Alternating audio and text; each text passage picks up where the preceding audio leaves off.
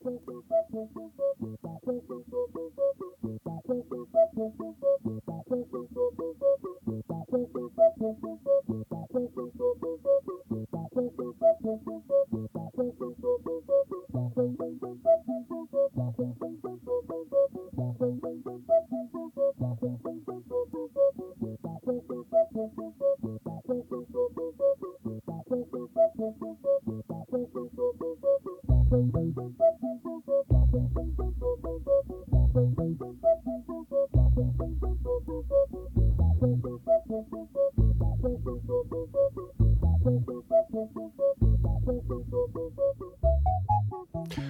góðan dag, góður hlustendur Rásar 2 og gleðilegt nýtt ár. Hér er að hefjast útastátturinn Bananar. Ég heiti Guðmundur Pálsson. Og ég heiti Vilhelm Anton Jónsson. Og næstu tvo klukkutíman eða svo ætlum við að ræða um banana í bara frá öllum mögulegum sjónarónum. Já, fyrir hvað stendur bananinn? Hvað er, hvað er banana? Hvað er bananinn? Hvaðan, hvaðan koma? Af hverju erum við svona upptekin af banananum? Hann er ávöxtur, hann er líka samt tákn. Hann Já, tákn, mi- mikið tákn. táknar ákveðna hluti. Hann er mjög stert tákn. Við munum komast að því í þættinum. Já, Um, fræðast um hvað, hvað, hvað þetta er. Er, Mhm. erum, við, erum við að rækta þetta? já, Hvernig er, já, er, er hann á einhverjum, hvað við segja, tímamótum, bananinn sem við þekkjum í dag? já, við munum komast að því að hann er á, á tímum. við munum komast að því og eftir. Já, Það eru merkileg tímamót í sögu bananans. já. Við líka veltum fyrir okkur bara stöðu bananans. Hver er staða bananans árið 2017? Hvernig tengist bananinn uh, menningunni? Já, já. Uh, já og, þe og þetta, hvað, hvað hefur hann verið lengi hérna? mhm. Hefur þetta alltaf verið alveg uh, getið upp til agna á öllum heimilum? Var þetta einhvern tíman eitthvað sem yfirstjettin borðaði?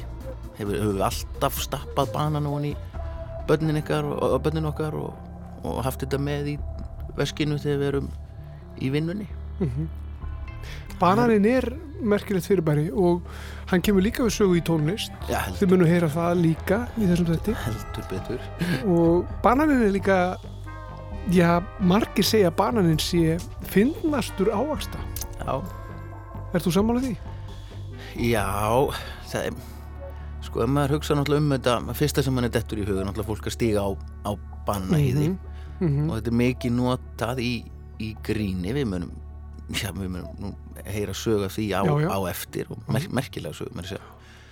Og ég hugsa oft um ef maður myndi stíga á, á eitthvað annað, sem er, sem er kannski okkur nær Mhm. Þú veist, ef, ef þessi brandari hefði orðið til á Íslandi Mm. væri við þá kannski að stíga á já, eða, eða þang. Eða, yfir, eða, Eða þorsk. eða þorsk Bara- bara-. Bara þorskflak. já, ef, ef, ef þetta allt hefði orðið til ef já, bananinn okkar er sennilega þorskurinn Já, ég myndi halda það. og þá væri við með eitthvað grín þar sem að fólk er að labba og stígur á þorsk og fólk svarar óvart í þorsk í já, fyrir já. síman sinn Það rífur upp þorskinn, Rífur upp halló. þorsk, Þa, það getur verið já. Þetta er En klassist. er, er hann fyndna? Já, er, Hann er fyndnastur Er ávast það að segja. Jú, já, ég meina, hvað er, er appelsína fyndin? nei, Hún er ekki fyndin. Nei, hún er bara nöttur Hún er bara, ég meina, og eplið er ekkit fyndin. Ananasin, jú, hann er svolítið svona flippaður en hann er ekkit sérstaklega fyndin. Bananin er alltaf fyndin. Hann er líka settur í samiki sko við, það er náttúrulega hugsaði þér, sjáðu fyrir þér apa, svona, sjáðu fyrir simpansa eða, eða eitthvað slíkt sko. Hann er yfirleitt með banana svona í okkar svona, myndinni sem er já. upp af, af öpum. Þeir eru fyndnir. Um, við erum prímatar, við erum uh, ættingjar, apans, uh, við með banana þar að leiðandi já, Þetta er svona, ég veit ekki já veist, kannski er þetta eitthvað svona þarna, þarna liggja einhverju þræðir sem að, og við ætlum að reyna að reykja þessa þræðir í þættinum í dag Heldur betur Mm. Já, kannski er þetta eitthvað eins og þú segir með, þú veist apinn er teiknaði með banana uh -huh. og apinn er frændi okkar Mhm. Og kannski finnst okkur svo fyndi ef við svo teikna ég þig með banana. Já, já, okkur þá, það. þá er ég að segja að þú ert api og kannski viljum við ekki vera það, þetta er kannski svona eins og óþægilegi frændin eða frængan í fjölskyldun, þetta er svona kannski skömmust við okkar fyrir þessa ég ætlum ekki að segja fortíð okkar að vera því að það erum við sannlega ekki en svona þennan sameinlega ættingi og reynum að skilja okkur frá því við vildum frekar vera, þú vildi frekar vera teiknaðar eins og ljón því við eigum ekkert skilt við eða ég veit ekki hvað þú vilt vera teiknaðar þú uh, ekki verið að gera mér upp skoðunum, Vilhelm, en, en það, ég held að þú sett, einmitt, ég held að þú sett að hitta svolítið naglan á höfuðið hann, sko. Ég held að við séum stöðugt að reyna að fjarlæga okkur um, upprununum. já, Ég held að við séum stöðugt að berjast við okkar innri prímata og við erum stöðugt að reyna að, að hefja okkur yfir uh, þessar loðnuðu frændur okkar Já. og frængur sem eru prímatanir hinnir. það, það held ég líka sko, Mm. af hverju erum við að því ef við förum í þetta, er það ákvaðum við það Af því að við viljum ekki vera dýr, sko. Við Já. viljum vera æðri eh, en dýrin, við viljum vera merkilegri en dýrin. já, já. Um, erum við það? En, en af, erum við kannski bara öðru? hvaðan kemur þessi kvöt af, af hverju viljum við vera, er þetta eitthvað sem að ég veit ekki, markasöflin hafa kent okkur, eða er þetta bara frá fyrsta degi, er þetta eitthvað mjög stór hættulegt að tala um eðli? En er Ertu að þetta tala um, ertu núna að er tala þetta um, lærið hegðun að vilja ekki að vera það- api? Eða er þetta bara í okkur? Um, ég held að þetta sé, þetta, þetta hangi saman við þess að við erum sko, hinn vitiborni maður, sko. Það, það, það er það sem skilur okkur frá já. hinnum, Það er bara, hinnum það prímatum. er bara ein tegund á jörðinni sem hefur kallað okkur hinn vitiborna mann Það, er, og það eru við. Það eru við sjálf, sko. Já, þannig að það er rosaleg ringferð í sönnun sko Já, og svo kom að trúa bröðin Já, og allt þetta inn í þetta sko, við drottnum yfir öllum uh, hérna, dýrum jarðarinnar og allt þetta sko. Já, já. En þetta er þáttur um banana, Þetta er þáttur um banana skulum ekki gleyma því við. Uh, við erum farin að bara leysa allar lífsins gátur hér. Já, fórum djúft í þetta strax og fyrstu mínúti Við hefum ekki að heyra lægið fallega um, um bananabátt.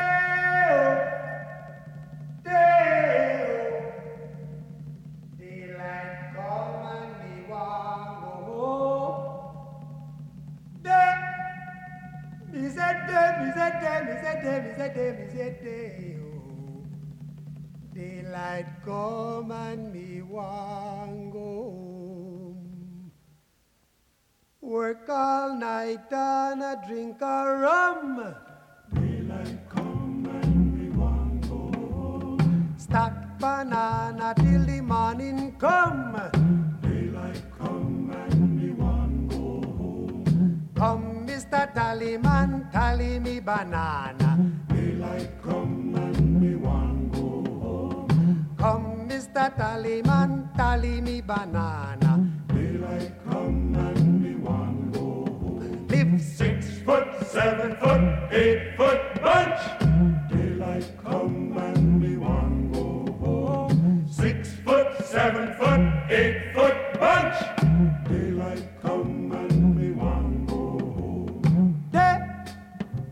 is a day. Oh.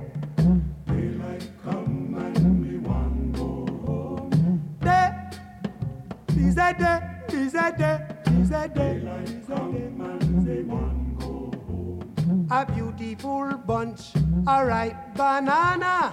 Daylight come and we want go home. Hide the deadly black tarantula. Daylight come and seven foot, eight foot bunch. Daylight come and we want go home. Six foot, seven foot, eight foot bunch. Daylight come and we want go home. day is a day. Oh. Daylight come and we want go home. Day is a day, is a day, is a day, Daylight is a day. Come, Mr. Tallyman, tally me banana. Daylight come and we want go home. Come, Mr. Tallyman, tally me banana. Daylight come and we want go home. Day-o,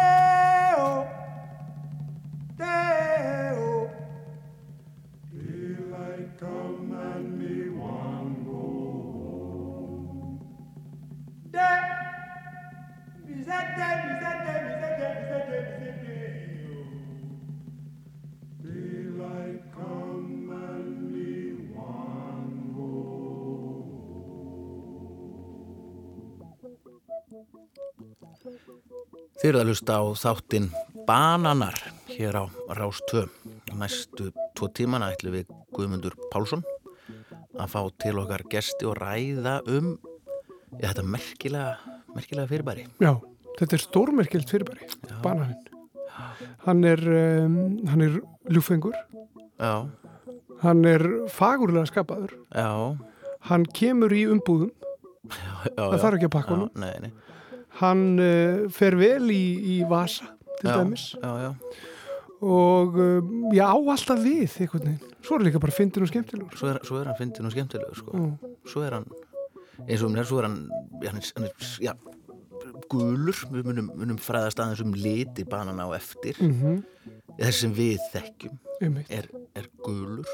Samt einhvern veginn, það er bananar allt í kringum okkur, Vilhelm. Mm. Við höfum nú, ég, ég veit ekki hvað maður hefur torkað mörgum kílón af þessum ávexti um æfina.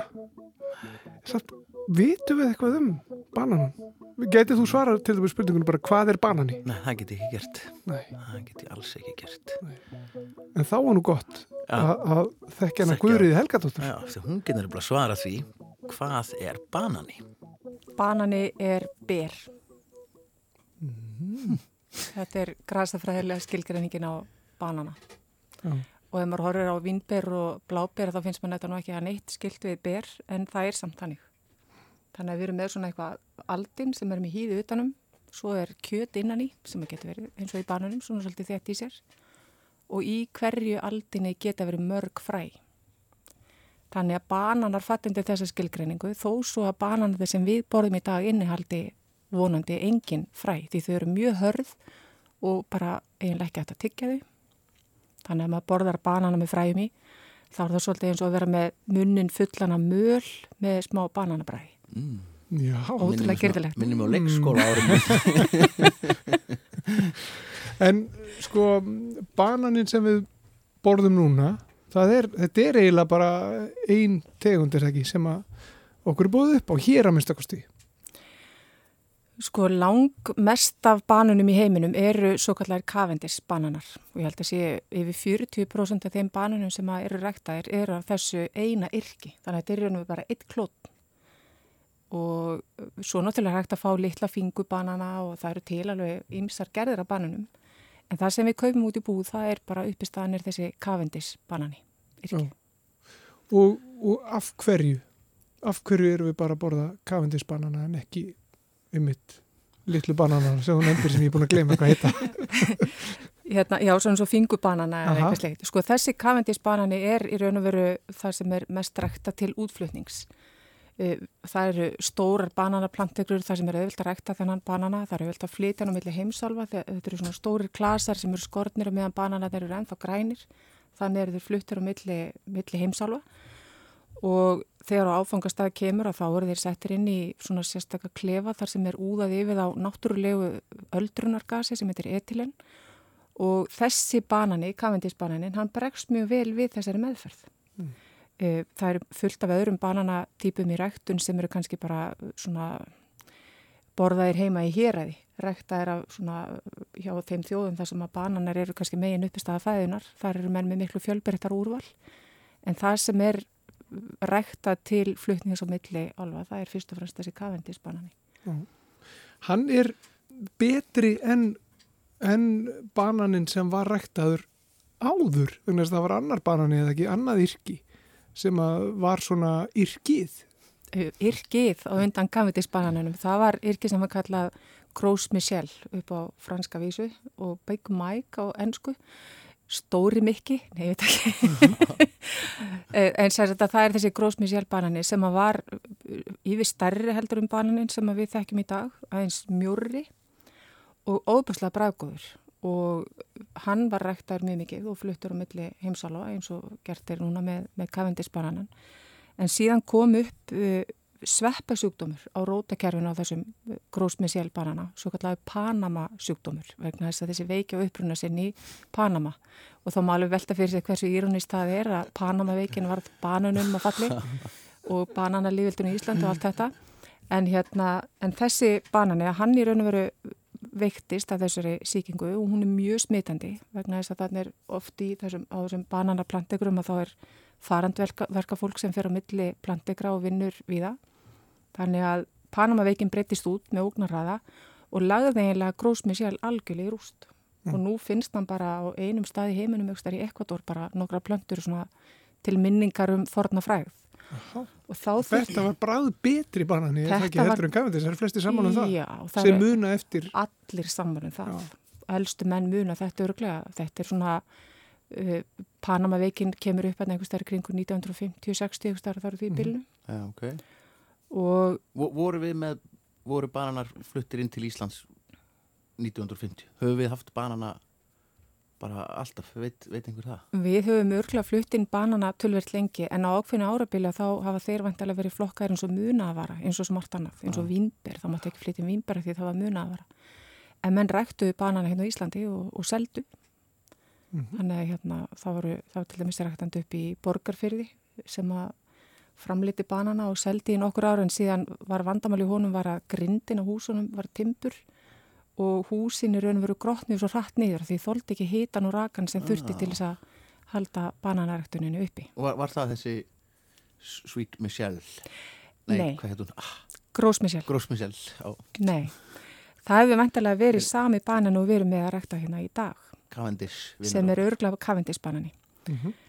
En aftur yfir í þessa veiki Já, um að þá sem sagt var kavindisbananin að hann varð til í Breitlandi eitthvað tíman 1830-40 ársleis bara heima hjá kavindis fjölskyldinu garðirkjumadurinn þeirra. Þetta var við eitthvað, þetta hefðar fólk sem var með gróðurhús og þar þóttir rosalega fínt að rækta banana til að geta búið gestum upp á það. Og garðirkjumadurinn þeirra datt neyra þennan fína banana sem var síðan nefndur eftir fjölskyldinu, það er kavindisbananin Ekki garðarkjumannunum. Nei, Já, já, hugsið ykkur. Já, já, þá hétt hann eitthvað allt annað, þá hétt hann John eða já, já. John Gardner.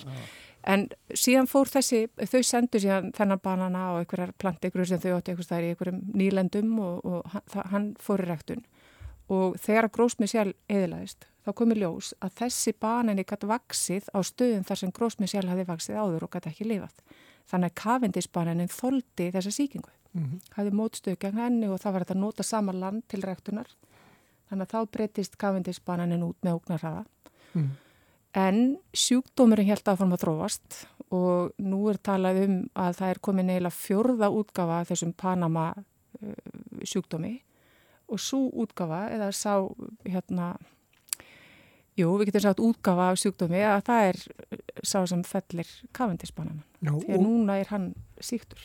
það, það er fyrir sánlegt, við vitum það að bananinn sem að við erum að borða, hann er að deyja. Við vitum allavega að bananin sem við erum að borða að hann er í mikill hættu. We have no bananas. We have no bananas today. We got string beans and onions and big juicy lemons and all kinds of fruit and say. We've got an old fashioned tomato, a Long Island potato. Oh, yes. We have no bananas. We have no bananas today.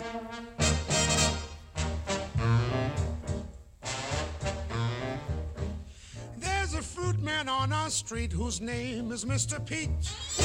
And he keeps good things to eat, but you should hear him speak. When you ask him anything, he never answers no. He just yeses you to death and then he takes your dough. Oh, yes! We no got a the banana. We no got a the banana today. We got a little beans and the bigger beans and the red, the beans and the white, the beans and all kinds of beans and say we got the old fashioned salami. Mm, we even got the Brooklyn pastrami. We no got a the banana. We no got a the banana today.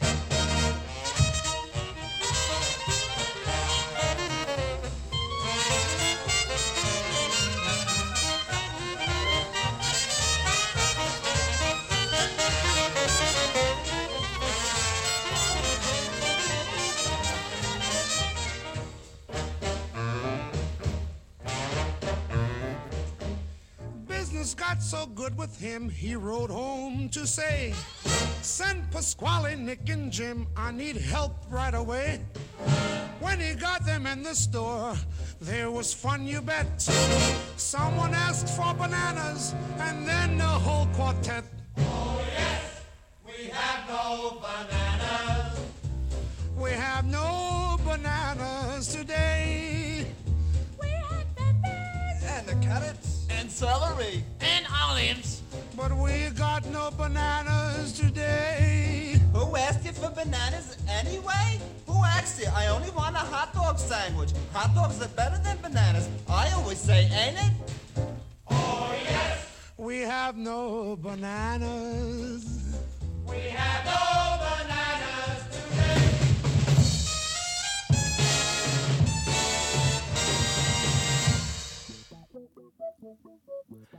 Þið eruð að hlusta á þáttinn Banana hér á Rás 2 og Guðrýður Helgadóttir, garrikjufræðingu, var að segja okkur já, frá veikinni sem er að leggja bananarækt í heiminum í rúst. Við skulum gefa henni orðið aftur. En þessi veiki hefur ekki breyðist út til allra ræktunarsvæða í heiminum. Þannig að menn eru að gera alls konar ráðstafanir að verja þau svæði sem ekki eru síkt. En það blasir við að það verða að fara í að finna næsta banana. Já, og eru glöggir garðirkifræðingar að, vinna í því? Banana sérfæðingar heimsins Ekki og þeir viljum við missa banana. Nei, það er ekki hægt. Þeir leggja nótt við dag, reyna að finna, finna nýjan banana og það eru náttúrulega úttalt tegundi til að bananum. En, en sko þetta er tapað stríðið ekki við, við sveppasíkinguna. Það þýðir ekki að ætla eitthvað út um henni. það, nei, hún er, þessi sveppur er bara komin til að vera og kafindisbananin og þessi sveppur að þeir, hérna, þeir munu ekki eiga gott líf saman. Það er að segja að sveppur mun drepa bananan. Cavendish er döður. Kafindis, uh, slúin segja, hann á ekki mjög marga lífdaga framöndan ef ekki tekst að verja þessi svæði sem eru síkt. Um, þú ert með nokkra banana með Já, þér og- sem, og- sem að sko þú hefur bara ræktað sjálf og, og þitt fólk í hverjageri. Já, eins og glöggir áheyrendur Já, sjá, já.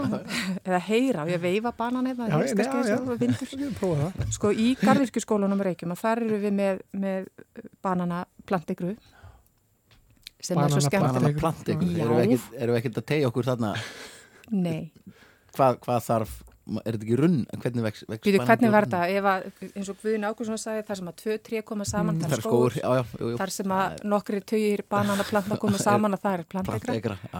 Við náttúrulega erum aldrei, við erum ekkert að degu minnum þetta kenda á Íslandi. Hóverðin er okkar stærsti kostur. En hvernig vaksa bananar? Sko það er enginn sem að sest bara undir banana tré beint svona eins og bara hvert annar tré er það og bara situr þar í skugganum og, Og og, og tegir sér eftir banana. Nei, það er ekki alveg þannig. Þú getur ef vísu setja undir banana plöntu og lesi banana af, úr klasanum, en þetta eru jörkenda plöntur, ekki tré.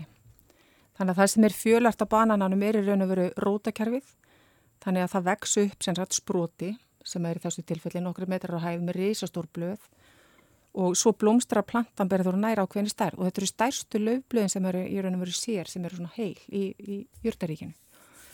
Og þegar að plantan hefur framleitt ákveðin fjölda blöðum á þessum bönunum sem við höfum, höfum í gargiskólanum, þá er þetta svona 30 til segjum, 35-6 blöð, að þá byrjar hún að blómstra og þá myndar hún eitt bananaklasa og hver planta að hún blómstrar einu sinni og myndar eitt klasa og svo deyr þessi hluti plöntunar.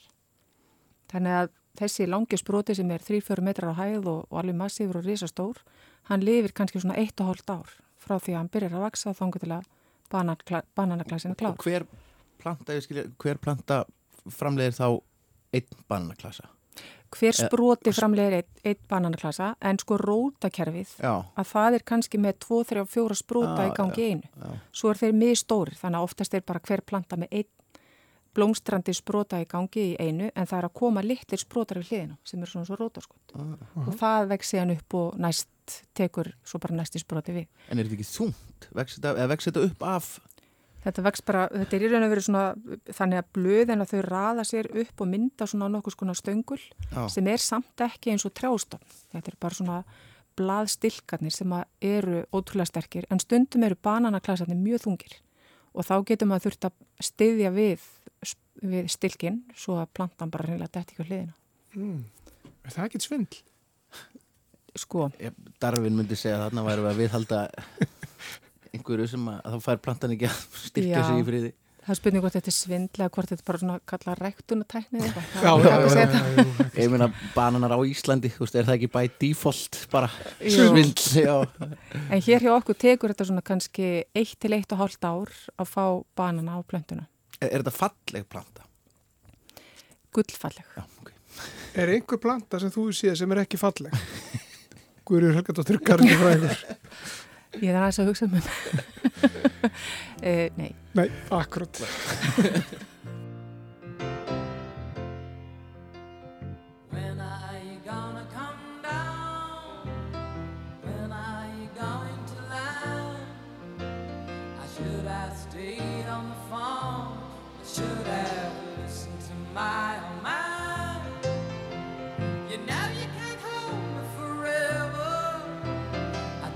sign up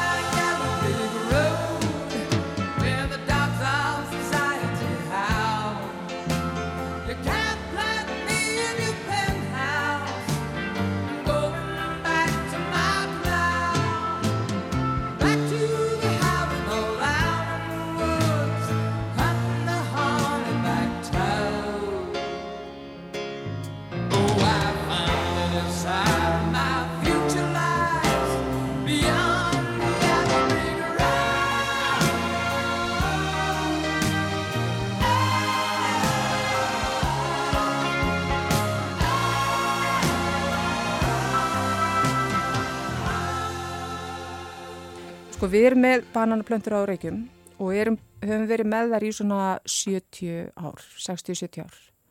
Og það kemur til að því að þegar að menn fóru rækti gróðurúsum á Íslandi, svona 90, fyrsta gróðurúsum 1924 og svo fljótlega eftir það, þá fóru menn að prófa hvaða hægt var að rækta hérna á Íslandi. Og menn vissu það ekkit upphafi. Þannig að þeir prófuðu alls konar. Þeir prófuðu banana, þeir voru með kaffi og melónur, vínber, melónur og vínber fín sem voru seldi og sil og valda og fleira skiljið þannig að menn prófuðu alls konar. Svo kom í ljós að bananarnir tóku mjög mikið plás. Það var erfitt að, að hérna, halda húsunum við af því að það notað var svo mikið raki og timbri sem var það notað í burðagrindina það fúnaði bara á skömmun tíma og svo það að það þarf að býða í rúmt ár eftir uppskerunni. Það er ekki heppilegt að maður þarf að hafa tekjur af ræktuninni. Þannig að þegar þetta kom til ljós að þá var eiginlega fullreint með banana svona til þess að uh, sko hafa almennilega tekjur af þeim. Þannig að þá fengu þessir bananar framallífi í Garðirkjuskólanum. Og, og það eru þessi Og við erum, bananar sem þú út með hér. hér fyrir fram að mig er ég með þrjár mismunandi típur af bananum Aha. og þar er fyrst svona svolítið ekkert mjög stór en svona svolítið þykkur og mjög bráðgóðu banani Já, sem að er að öllum líkendum kavendis banani. Því þetta er að plöntu sem komið frá Breitlandi Mhm. í, í kringu 1940 og voru ræktaðir hérna nýri laugardal. Af Eiríki Hjartarsinni sem setna gaf landi sitt inn í, inn í hérna grasakarinn, eða seldi borginni landið og það var grasakarinn. Mm. Og Þetta er bara bananinn sem, að, þetta er, sem allir, allir elska. þetta er besti bananinn. Já, Því að kosturinn við að vera með svona bananaplant ekkur á vinnustæðanum er að maður lappar nýr í bananahúsið, týnir bananan, fullþroskaðan af plöntunni og borðar hann og bragðið er allt annað heldur en þegar maður kaupir búðakjöfta banana. Því Mhm. þarna fær ávisturinn að þroskast allan tíman á og ekkert plöntunni. gas eða vittlisa.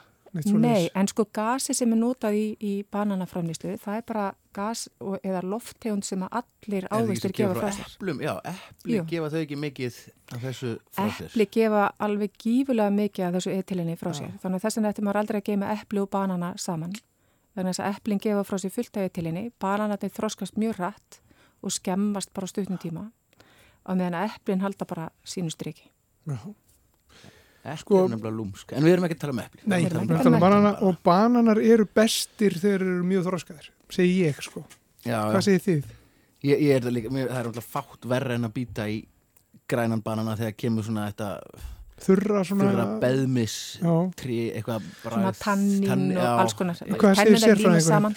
Mér finnst bananar bestir þegar að líta svona svipa út eins og þessi þroskaði banani sem ég er með hérna við hendina nema þeir mega vera orðnir freknúttir, svona brún freknúttir. já, ég er. Já, þá eru þeir svo óbærslega sætur og ennþá safaríkir ef þeir býða lengur, ef orðnir sko, ef að skinni er brúnt og bananin er ennþá þroskar inn í, þá finnst mér orðin svo mjölkjandir það er einlega Já, já, já, einmitt. Þá nota Þannig að- maður bara svona í bakstur Bananabrauð. Bananabrauð bananabrauð, það er snilt en hins vegar svona freknóttir bananar, þeir eru bara dásanir. Já, megum við smakka hana banana? Er hann- er hann Ha? hérna, hvernig banan er þetta? þetta er nú sennilega bara lítill kavindis Já, já, ok. Þetta Þetta er fyrsta skipt sem ég smakka íslenskan banana Mm, Vá. Góð lykt á hann að báða. Já. Já, já. Gott útvarp að borða Já, sko, þetta er bara, veist, þetta er bara allt annað. Hann er bara annari deilt, þessi banani. Já. Hmm. Þetta er bara svona Þetta er, þetta er svona bara gerfilegt Þetta er bara eins og banana í sósu Já, einmitt, það er eins og þessi verið að reyna að herma eftir banana. Já, já. Mjög vel. Þetta er svona eins og þegar maður finnur ilmatslikt á blómum Þegar maður er orðinn svo hérna Þetta er mjög gott. Vá, þessi er góður Mjög góðu banani. Mm.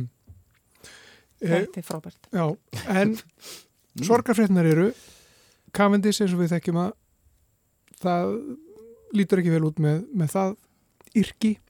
En góðu frétnar eru að bananar sérfræðingar um allan heim uh, vinna dag og nótt að því að, að finna nýtt yrki. Þeir unnast er ekki kvildar fyrir en að þeir eru konu með næsta banana. Það er algjörlega reynu Kæra þakki fyrir spjallið, Guður það var lítið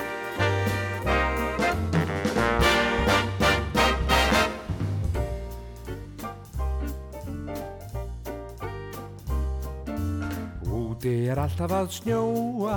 Við komið er að jólunum Kólna vera pólunum Sussum og sussum og róa.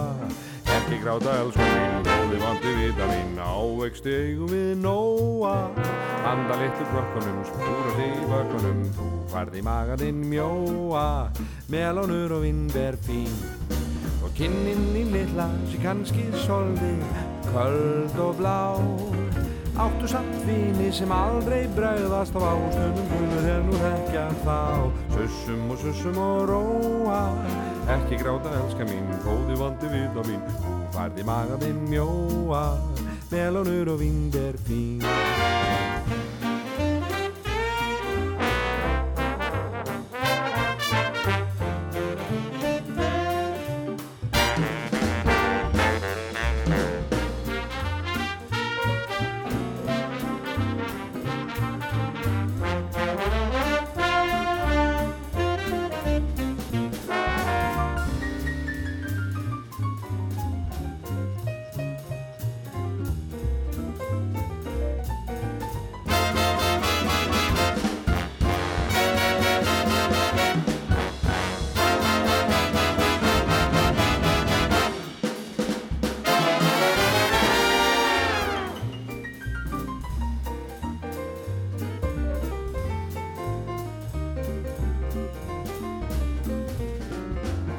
sé þér stjórngarpur slingi. Hver er betri í fæinu hjá frelsins vandalæginu Þú átt að vera á þingi. Við skaldum kjátt að skjóðum og saminuðu þjóðunum. Ég held varla langtími líði. Áður en að honkanum í alþjóðlega bankanum Hangi þinn hattur með príði Húrra verið þér og mér. Aldrei verðum við hugstólan ég hissa á Klækjum og grind okkar keppin nöyda Slíka pegja pent við munum pissa á. Látum nú skrýða til skara. Gegn útúslausum kavaler sem kennir sig við eini ber. Hann ætti held ég nú bara að hengja sig í runni.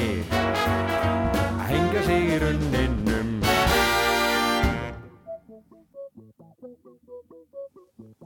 Já, þetta er merkilegt með, með banana ræktun á Íslandi. Þetta er nú alltaf áhvert, þegar svo voru að segja okkur í. og hefur verið svona lengi sko. Já, og náttúrulega þessi hræðilegi sjúkdómur sem að herjar á, á bananan okkar og hefur gert. og hefur gert, já já Já, og það, það er von það er von. er von. Já, já. Það eru gurjar um allan heim að að brjóta heilan um það hvernig, hvernig þetta er að bjarga já.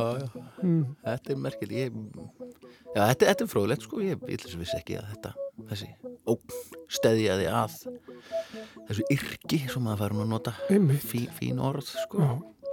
Já. og, já, og hann hefur lendið þessu áður bananan. blessaður bananinn akkurat. Það er leðilegt þegar, ávegstir sem manni þykja væntum lendi í svona remming. En svona er lífið. En um, Saga Barnars hver er hún? Og hver er betur til þess fallin? En Stefán Pálsson sagfræðingur að svara þeirri spurningu. Er hægt að rekja sögu Barnars?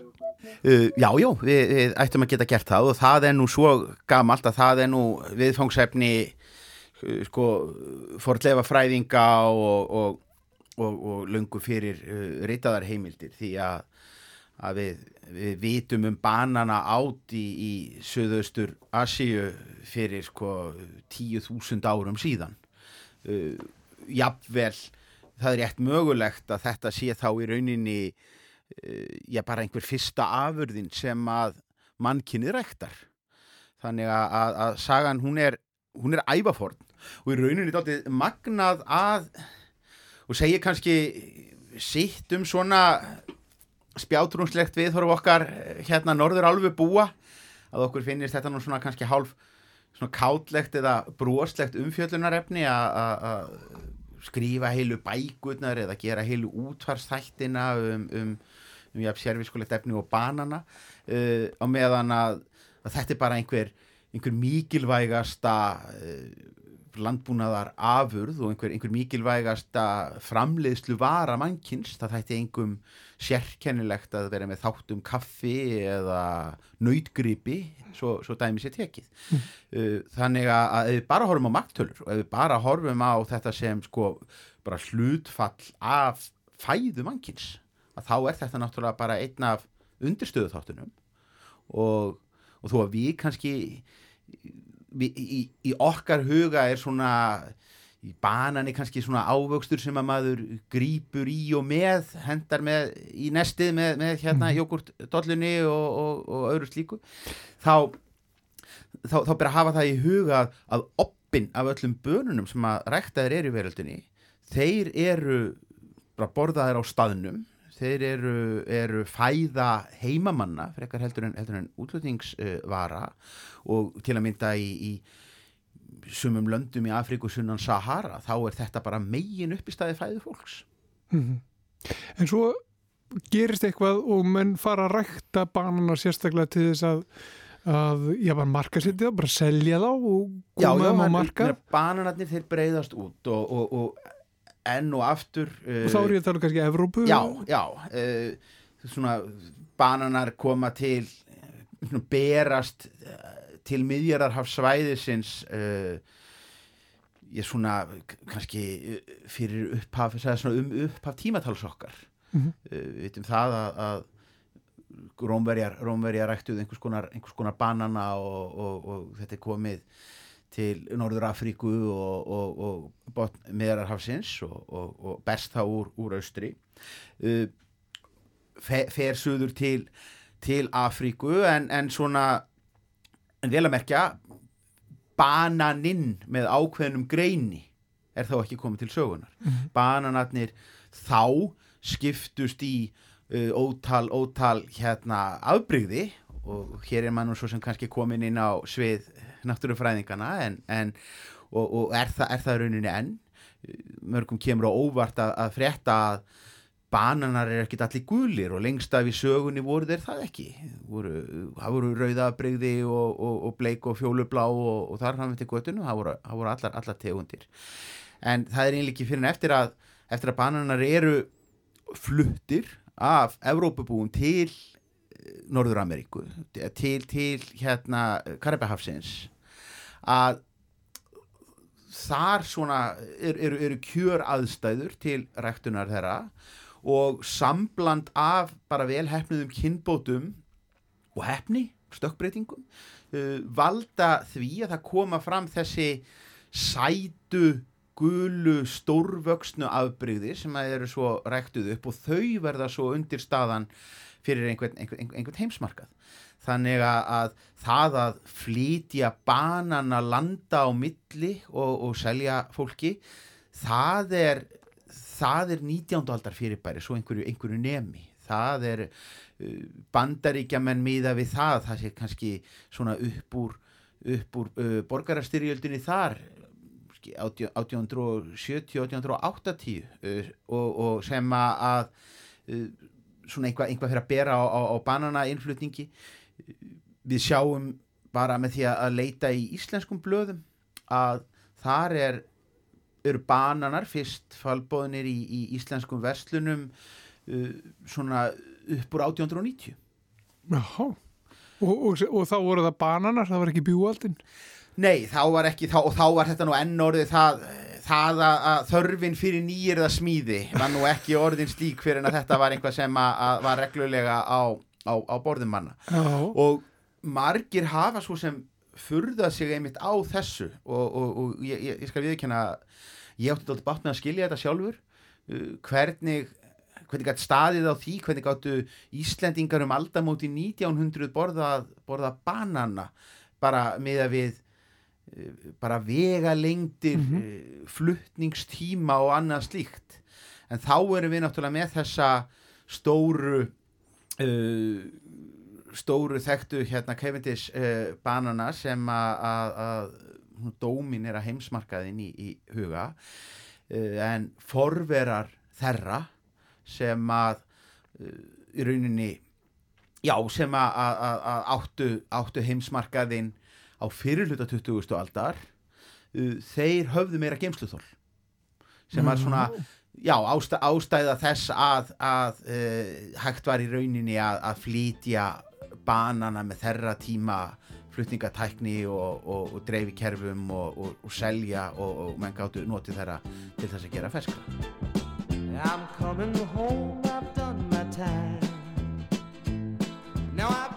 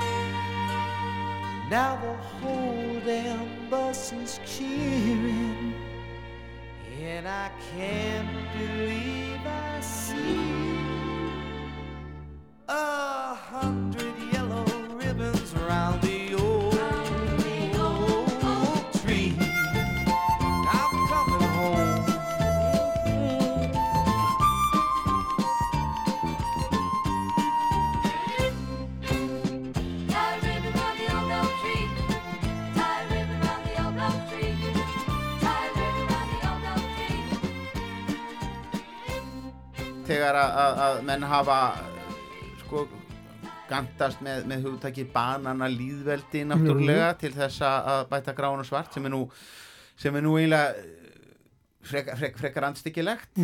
Það, ba, við tölum um ban, banana líðveldi bara í mjög víðum skilningi og vísum þá í eiginlega öll óstöðugur ríki í rómönsku Ameríku, á meðan veruleikin er sá að það er nú til þess að gera fálönd sem að, þarna sem að, að kannski byggja verulega á banana útlutningi og upphaf þessarar sögu.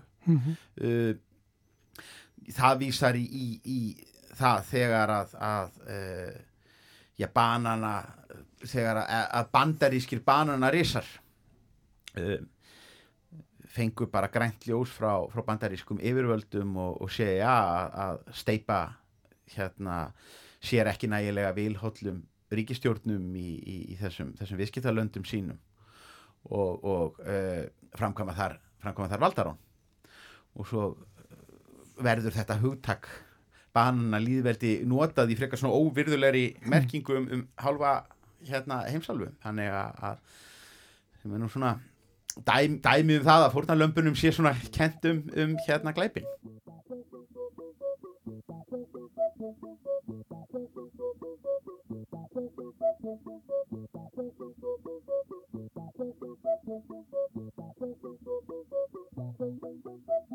allra fyrst vissum ennur reyndir ekki alveg hvernig ætti að uh, hegða sér varðandi þennan, þennan banana og bananin var líka dýr.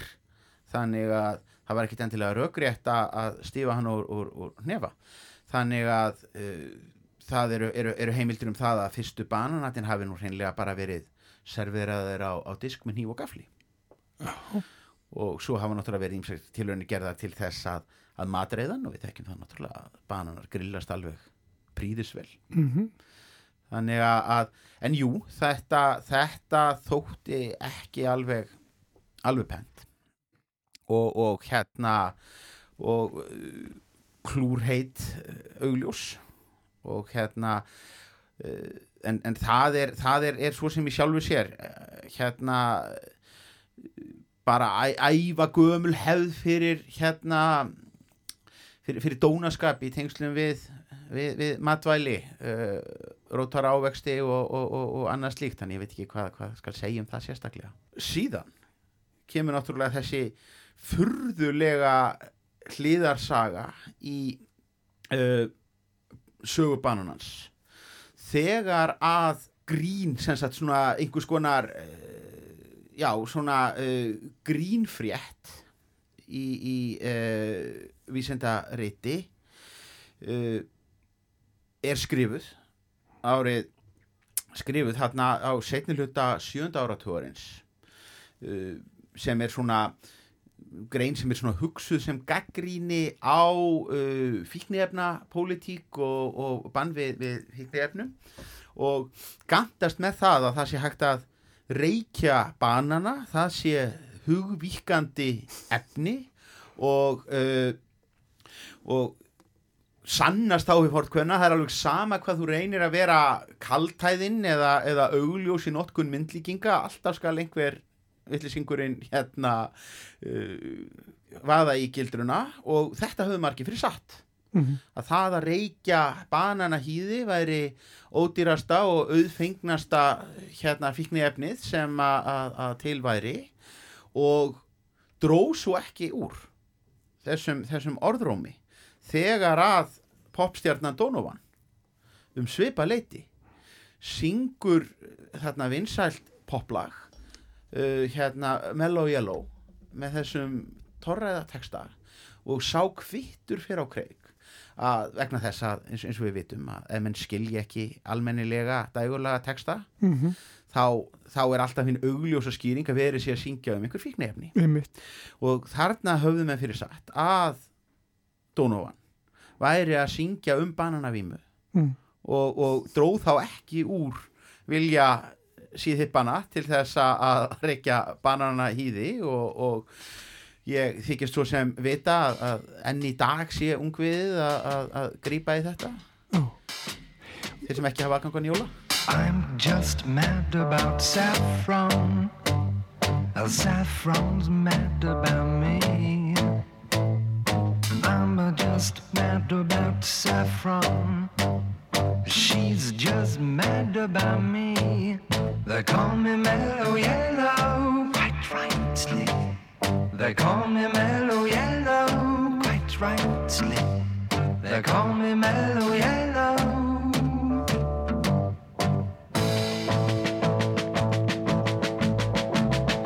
I'm just mad about 14. Uh, 14's mad about me.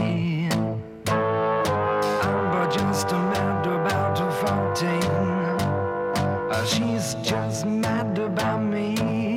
They call me mellow yellow. They call me mellow yellow. Quite rightly. They call me mellow yellow.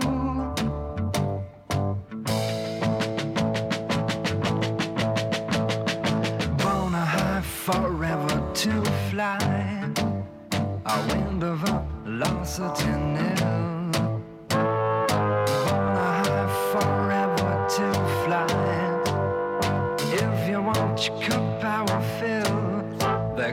me mellow yellow. Quite rightly. They call me mellow yellow. Quite rightly.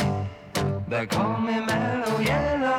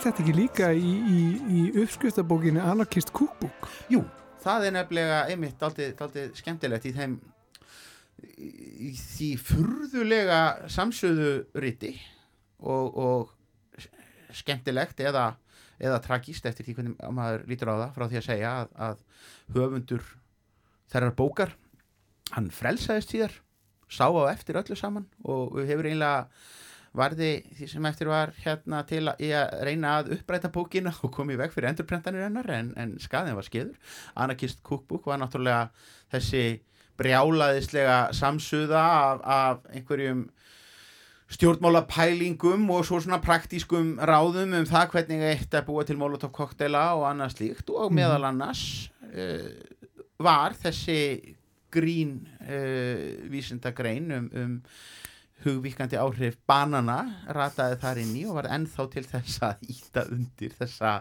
þessa mýtu Já. Hefur þú prófað þetta? Hefur Nei, ég er alveg líðónýtur Þú er ekki svona- þurrk, þú er ekki skafið banana hýða innan þurrkaða og prófaður ekki það. Nei, sko það sem að, að þetta er þetta er nógu viðbjóðslegt að býta í bananahýði og það er tanninið sem að veldur því það er óbúslega mikið hérna tannin í, í, uh, í bananahýðinu Ert þú sjálfur hrifin af banananum sem, sem fæðu? Borðar þú oft banana? Eru bananar á borðum hjá Stefáni Pálssoni oft? Eldar þú úr, úr bananum? Ég elda ekki úr, úr, úr bananum þetta er fyrir mig þá er þetta feskvara og bara sem hérna sem, sem tekja barna faðir að þá er náttúrulega uh, bananar þurfa að vera til á, á, á heimilinu.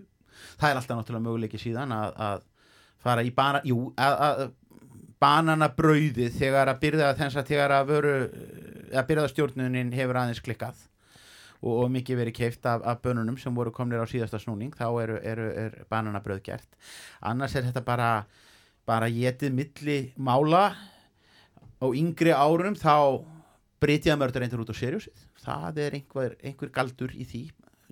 Banani með, út á morgunkorn með, með kaldri mjólk. Það virkar. Miklu betur heldur en jarðaberin sem að Sirius framleiðendur reyna að, að halda að manni með, með lokkandi forsýðumyndinni sem steldur einhvern veginn aldrei undir væntingum.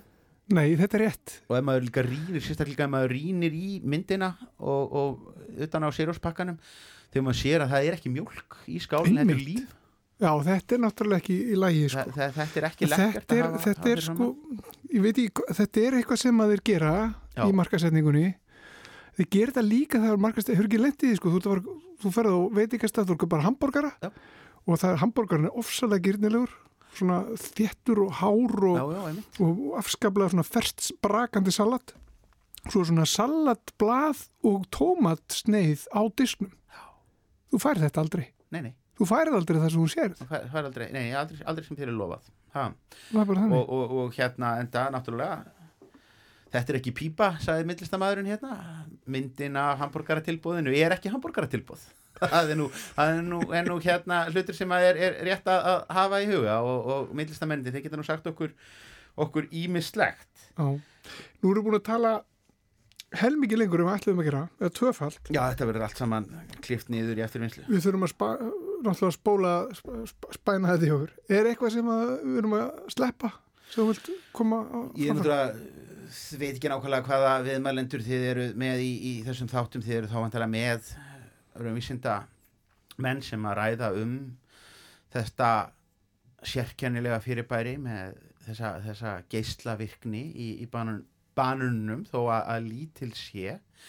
Þó það mikil að þetta er vandamál fyrir uh, bandarins skrifverka yfirvöld sem að hafa eru verja miklu lengri tíma í að, að leita af sér grun uh, sagt, um að, að, að það sé ekki verið að smigla inn háskalegum geislavirkum efnum þegar að um bananafarma er að ræða þetta er sem sagt veruleiki að það er einhvað óverulegt magna af geislavirkni sem er innbyrðið við að borða banana. En þetta hefur hins vegar líka hjálpa til. Eiginlega sko þetta að auka vísenda læsi almennings í bandaríkjunum. Því að það er sem sagt uh, til hugtakið svona bananaskamtur af geislavirkni. Vegna þess að uh, geislavirkni hljómar náttúrulega hræðilega. Enginn vill búa við geislavirkni þannig að, að það er mjög auðvelt að skelfa fólk með upplýsingum um það að geislavirkni hafi mælst á einhverju svæði eða frá einhverju fyrirbæri. Og til þess að róa almenning þá hafa yfirvöld og vísindamenn oft sett þetta í samhengi við banana. Og sagt já já hérna er, er uh, útvarpsvekjarindin hann gefur hér frá sér svo og svo mikla geislavirkni það er nú samsvara svo og svo mörgum bönunum því að, og þá róast nú flestir vegna þess að, að fólk hefur nú reynt það á eigin skinni að, að borða ófáan bananan án þess að glóa í myrkri. Þannig að, hérna þetta er svona dæmi um það hvernig, hvernig hægt er að, setja það sem hljómar háskalega í skiljanlegra hverstagslegra samhengi. Ég kann hins vegar ekki að gera grein fyrir nákvæmlega þessum, þessum mælieiningum en, en hérna, þetta getur, getur verið gott að hafa í huga Við þekkjum mann sem að veit allt um þetta. Við ætlum að heyri honum hérna rétt á eftir. Takk fyrir þetta, Stefán Pálsson.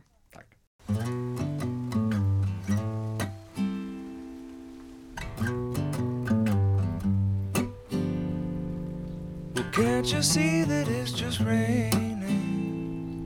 There ain't no need to go outside. Hardly even notice when I try to show you. Song is meant to keep you doing what you're supposed to. Waking up too early, maybe we could sleep. Make you banana pancakes, pretend like it's the weekend now. We could pretend it all the time. yeah. And can't you see that it's just raining? There ain't no need to go outside. But just maybe like a ukulele. Mama made a baby. Really don't mind the practice, cause you're my little lady. Lady, lady, love me, cause I love to lay you lazy. We could close the curtains, pretend like there's no world outside. Then we could pretend it all the time, can't you see that it's just raining? There ain't no need to go outside. Ain't no need, ain't no need.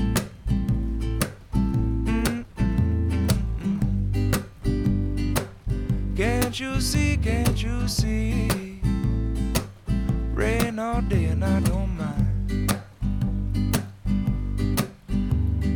telephone singing, ringing, it's too early, don't pick it up.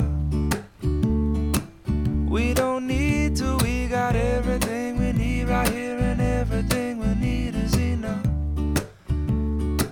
Just so easy when the whole world fits inside of your arms.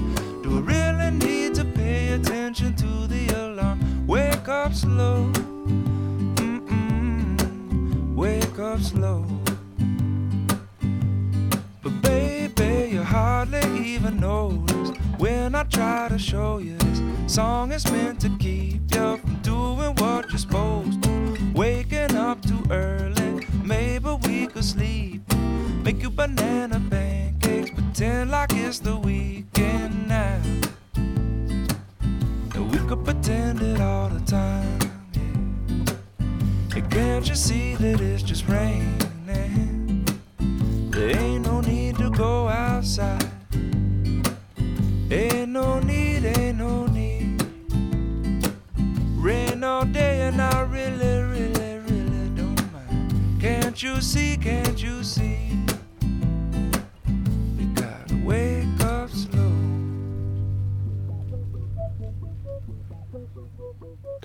Já, þeir eru hlust á þáttinn Banana hér á Rástföðu við erum að velta fyrir okkur þessum frábæra ágasti sem að bananin er og fyrir hvað hann stendur eh, hvað hann er og hvað áhrif hann hefur haft svona á samfélag mannana eh, Ég heiti Guðmundur Pálsson. Og ég heiti Vilhelm Anton Jónsson. Og við vorum að hlusta á hann Stefán Pálsson, sagfræðing, rekja sögu bananans fyrir okkur, hún skemmtileg, skemmtileg saga Heldur betur. skemmtileg saga og svona kapla skipt og hann endaði á ymtsja nokks konar bombu Já, segja okkur frá því að bananar væru geislavirkir já, getur það verið rétt uh, já og nei sko. Þeir eru álíka gislaverkir eins og allt annað sem við finnum í kringum okkur. Svona nokkurn veginn. Þetta er Þórhallur Haldursson hann er prófessor í næringafræði við Háskóla Íslands, hann veit allt um þetta. En, en sagt þær hafa fengið þennan gislaverka stimpil á sig því að það er til eitthvað sem heitir sko banana equivalent dose eða sem sagt svona gislaskamtur úr banana. Og ástæðan fyrir því er eiginlega algjörlega óljós nema þetta er sjálfsagt sko sett fram einhver tíman svona seint á, á 20. öldinni þegar menn eru farnir að geta mælt geislaverkefni í tiltúlega lágan styrka menn gáttu þann og alltaf en svona neðar og neðar og voru að velta fyrir sér bakgrunnsgeislun og geislaverki matvælum og öðru sjálfsagt tengt einhverjum slísum og einhverju svoleiðis.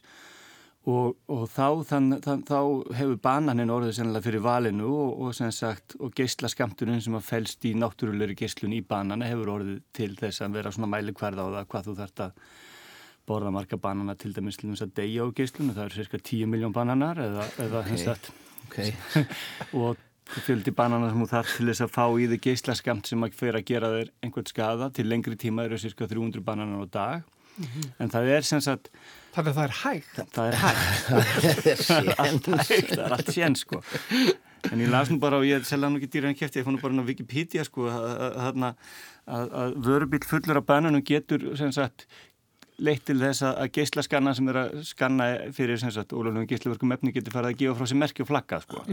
En, en það geta öruglega fullt af öðrum svona matvælum og hlutum gert en það er geislavert efni sem heitir sko kaljum það er bara kaljum, sko það er kaljum í, í, í þarna í, í bönunum, salt og hérna og sem sagt svona ísotopa samsetningun og kaljum er þannig að það er hérna kaljum 40 bara náttúrulega sem er geislavirt, það er beta geislavirt efni.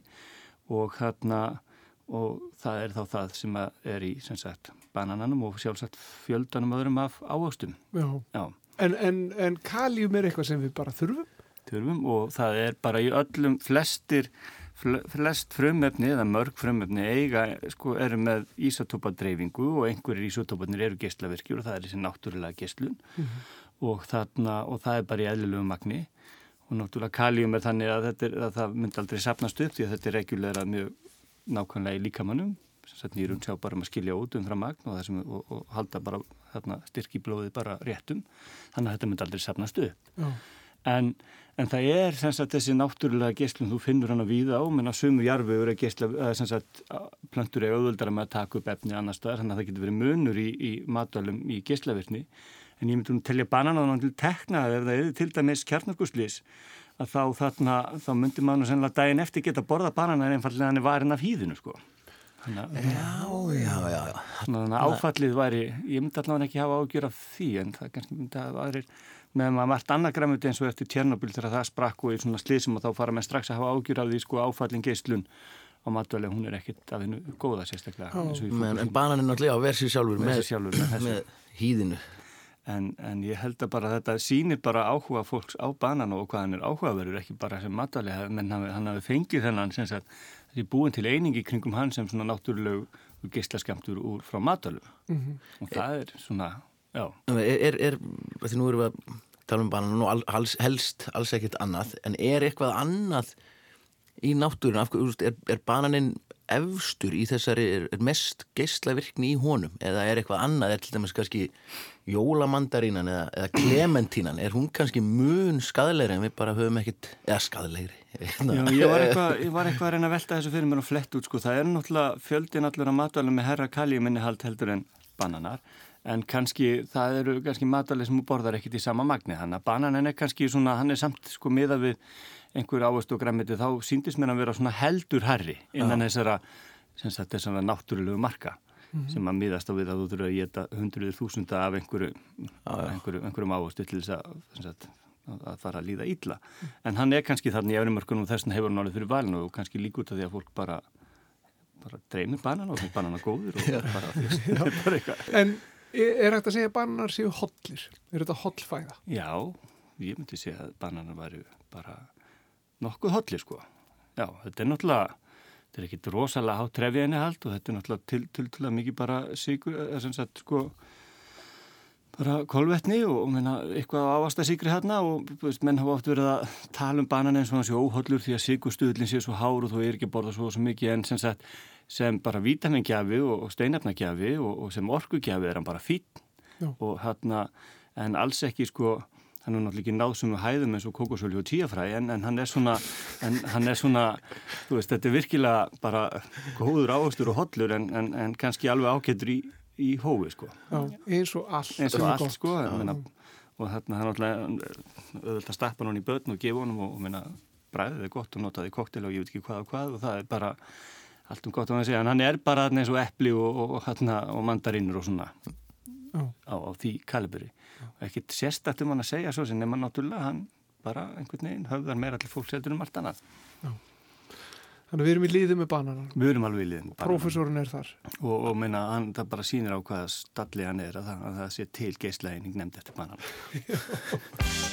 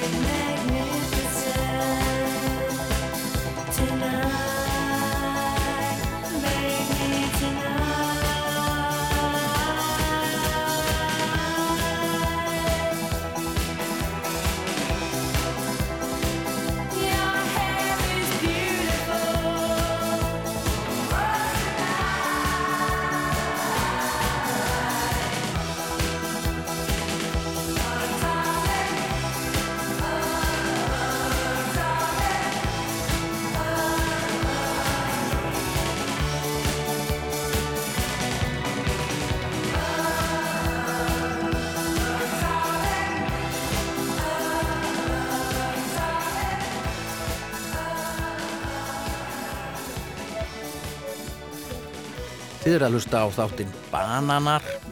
Hér á Rás 2 og við vorum að læra það mér rétt í þessu að bananar eru geislavirkir.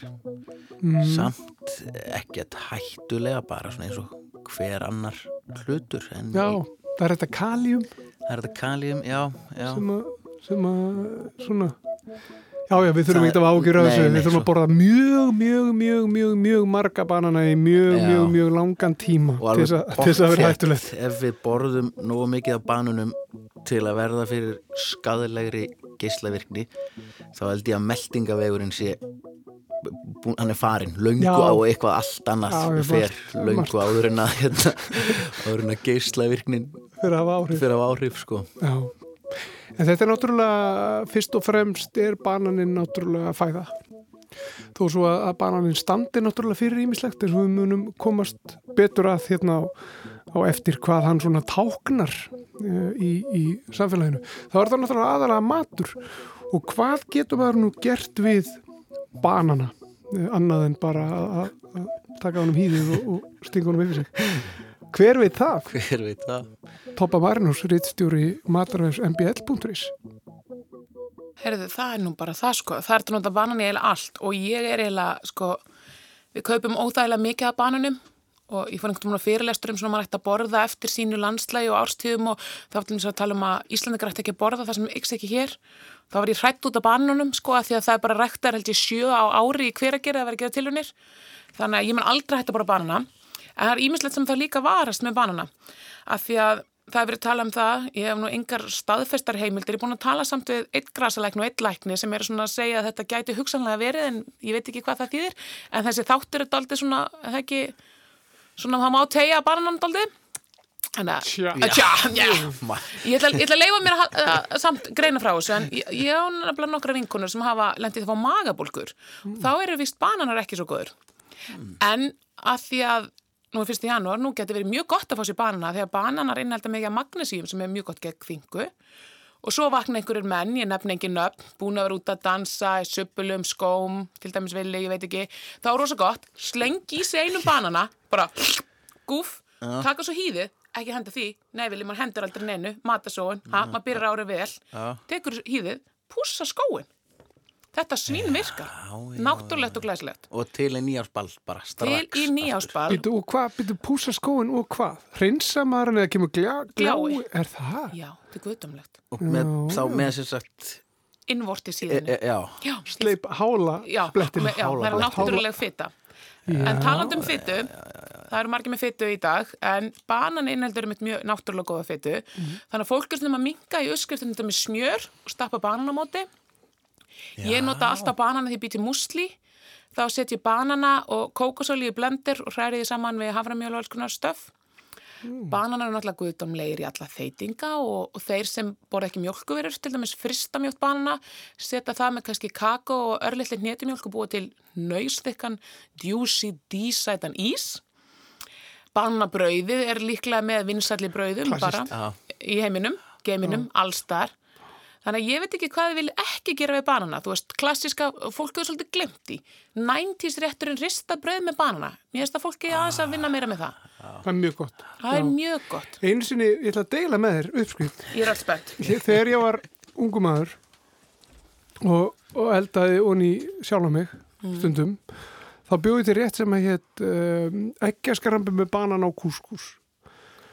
Já. Þetta þótti engum gott nema mér. ekki, sest, Getur þú ímyndað þér af hverju? Sko, ég, Egg og banani, gengur það ekki upp? þetta er daldið svona fusion flip. Ég meina, hrefna sætran og svona lið sem er að vinna með fusion myndi örgla alveg bara mísi yfir þessu. Heldur þessi að kveikja perunni nú? Já, ég held hún sé bara að skrambla þetta upp.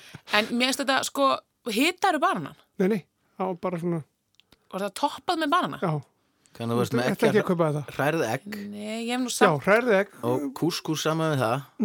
Það er allt í læs hrærið því öllu saman. Já. og svo og svo banan út á. Er þetta? Nei, en þetta er svolítið svona, ég sé þetta fyrir mér ungur óharndaður maður sem býr einn að stíga sín fyrstu skref og hugsa, þetta er svona rétturum minn sem ég mun í framtíðinu Það bjóða dömunum upp á og svona. Ég bauður þetta vinni mínum upp á það einu svona og hann sagði þetta er viðbjör. Mér var, hefur- mér var svo en flott þegar þú byrjar að segja þessa sögu hvernig þú settir þið svona í stellingar hérna inn í hljóðvörun og horfið þið svona eitthvað upp í hotn inn í eilífiðuna þegar þú varst að rifja upp hérna En segð mér eitt, þetta. hefur þú búið konunin þinn upp á þetta? Nei, ég hef Nei, ekki gert það er að því þú veist innstinni, þetta er ekki góð hugmynd. Nei, þetta er ekki góð mynd. Nei. En þetta er samt svolítið punkturinn, það má svolítið vinna með fusion og banana.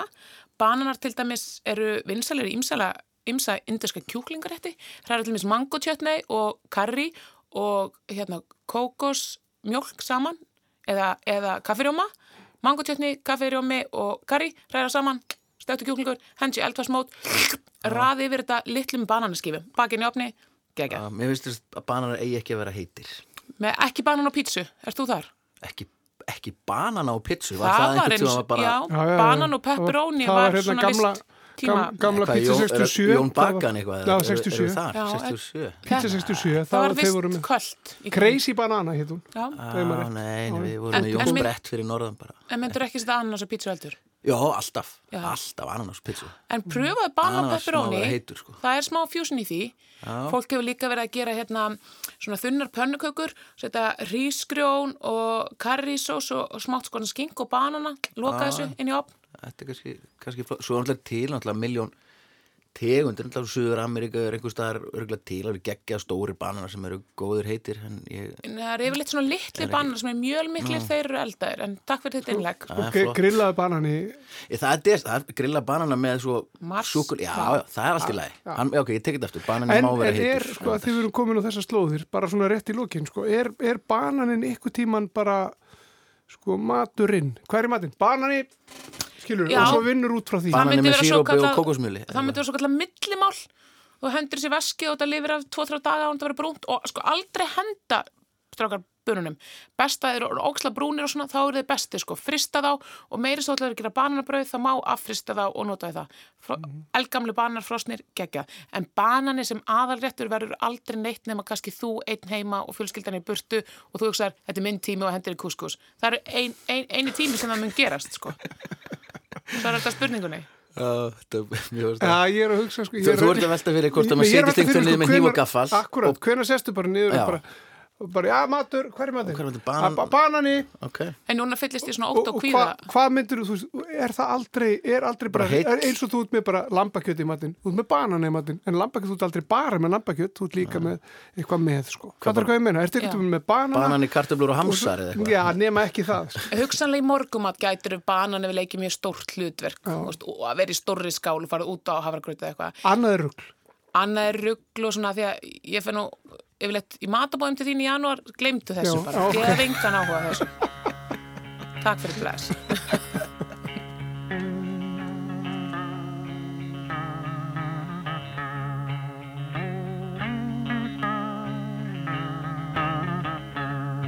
Moving to the country, I'm gonna eat a lot of peaches.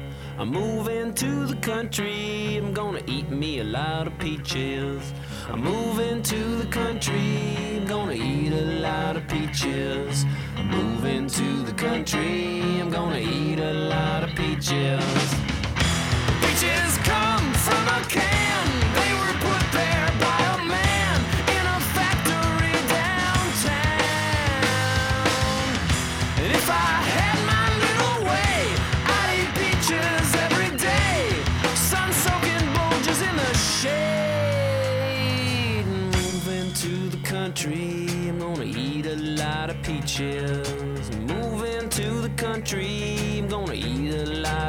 Lot of peaches.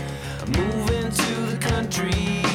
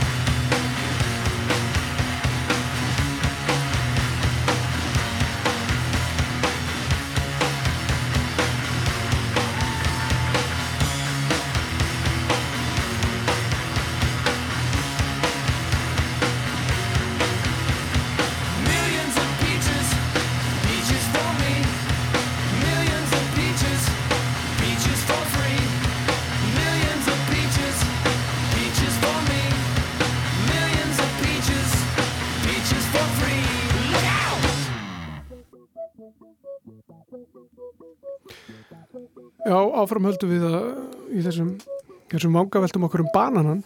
Við erum búin að tala við marga um, um ímislegt sem tengist banananum. Hann er, hann er merkilegt, merkilegt fyrirbæri þessi banani. Já, hann, hann er það. Ætli við, hefðu við geta gert svona þátt um gúrkuna? Hann hefði verið miklu stittri. Það hefði verið svona gúrkutíð. Nei, fóruð við þangað. Já, ég þú fórst þangað. Já, Já, það hefði verið, það hefði verið sko mjög stuttu þáttur. Já, það er skemmtileg staðrind um gúrku annars. Mm. Er einhvern tíðan las ég að, sagt, það er, að gúrka er, það er meira vatn í gúrku en í sjónum. Gúrka er að stærri hluta til vatn heldur en sjórin er því sjónum er náttúrulega alls konar steinefni og söld og, og sannleik vera lífveru líka þannig að það er meira vatn í einum rúmmetri af gúrku en einum rúmmetri af sjó bara svona eflustindur er eitthvað kalla eftir þætti Á um gúrku ekki orð, Vilhelm. Þetta er, er merkileg staðarind. Þetta er merkileg staðarind og gott að koma þessu á framfæri í, í þættu um banan. Já, mikilvægt. En bananinn, eins og við sögðum á hann, sko, þá náttúrulega er hann meira en bara matur, sko. Já. Hann, hann, hann hefur einhvern veginn uh, skapað sér ákveðna stöðu Já. í, í samfélagi mannana Já. sem tákn. sem tákn, já, táknmynd Já, táknmynd. og Af hverju? Það er nú það. Og fyrir hvað stendur bananinn?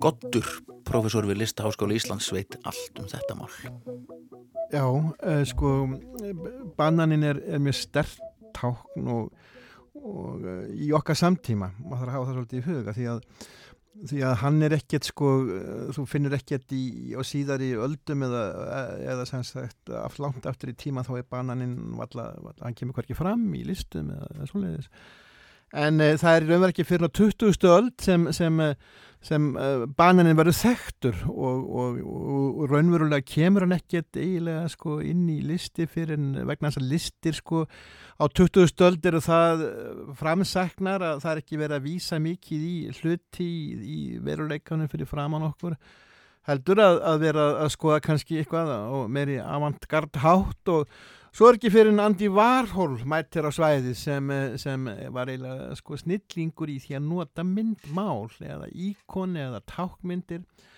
og það er þessi fræga tímamóta plata með Velvet Underground með, með Nico og Velvet Underground sem eh, bananin er settur eh, sem íkon á, á hvítum grunni og, og gott er að fylgdi ekki með eitthvað skona slókanum að maður þetta sko að, að, að fletta honum að taka á honum hýðið. Og, og það er sko bananin sem, sem óhýttur er náttúrulega fallus, fallustákn og, og er ekkit annað en það. Og að, mjög er eitthvað sterkasta tilvísun í fallus úr ríki náttúruna sem ég veit um.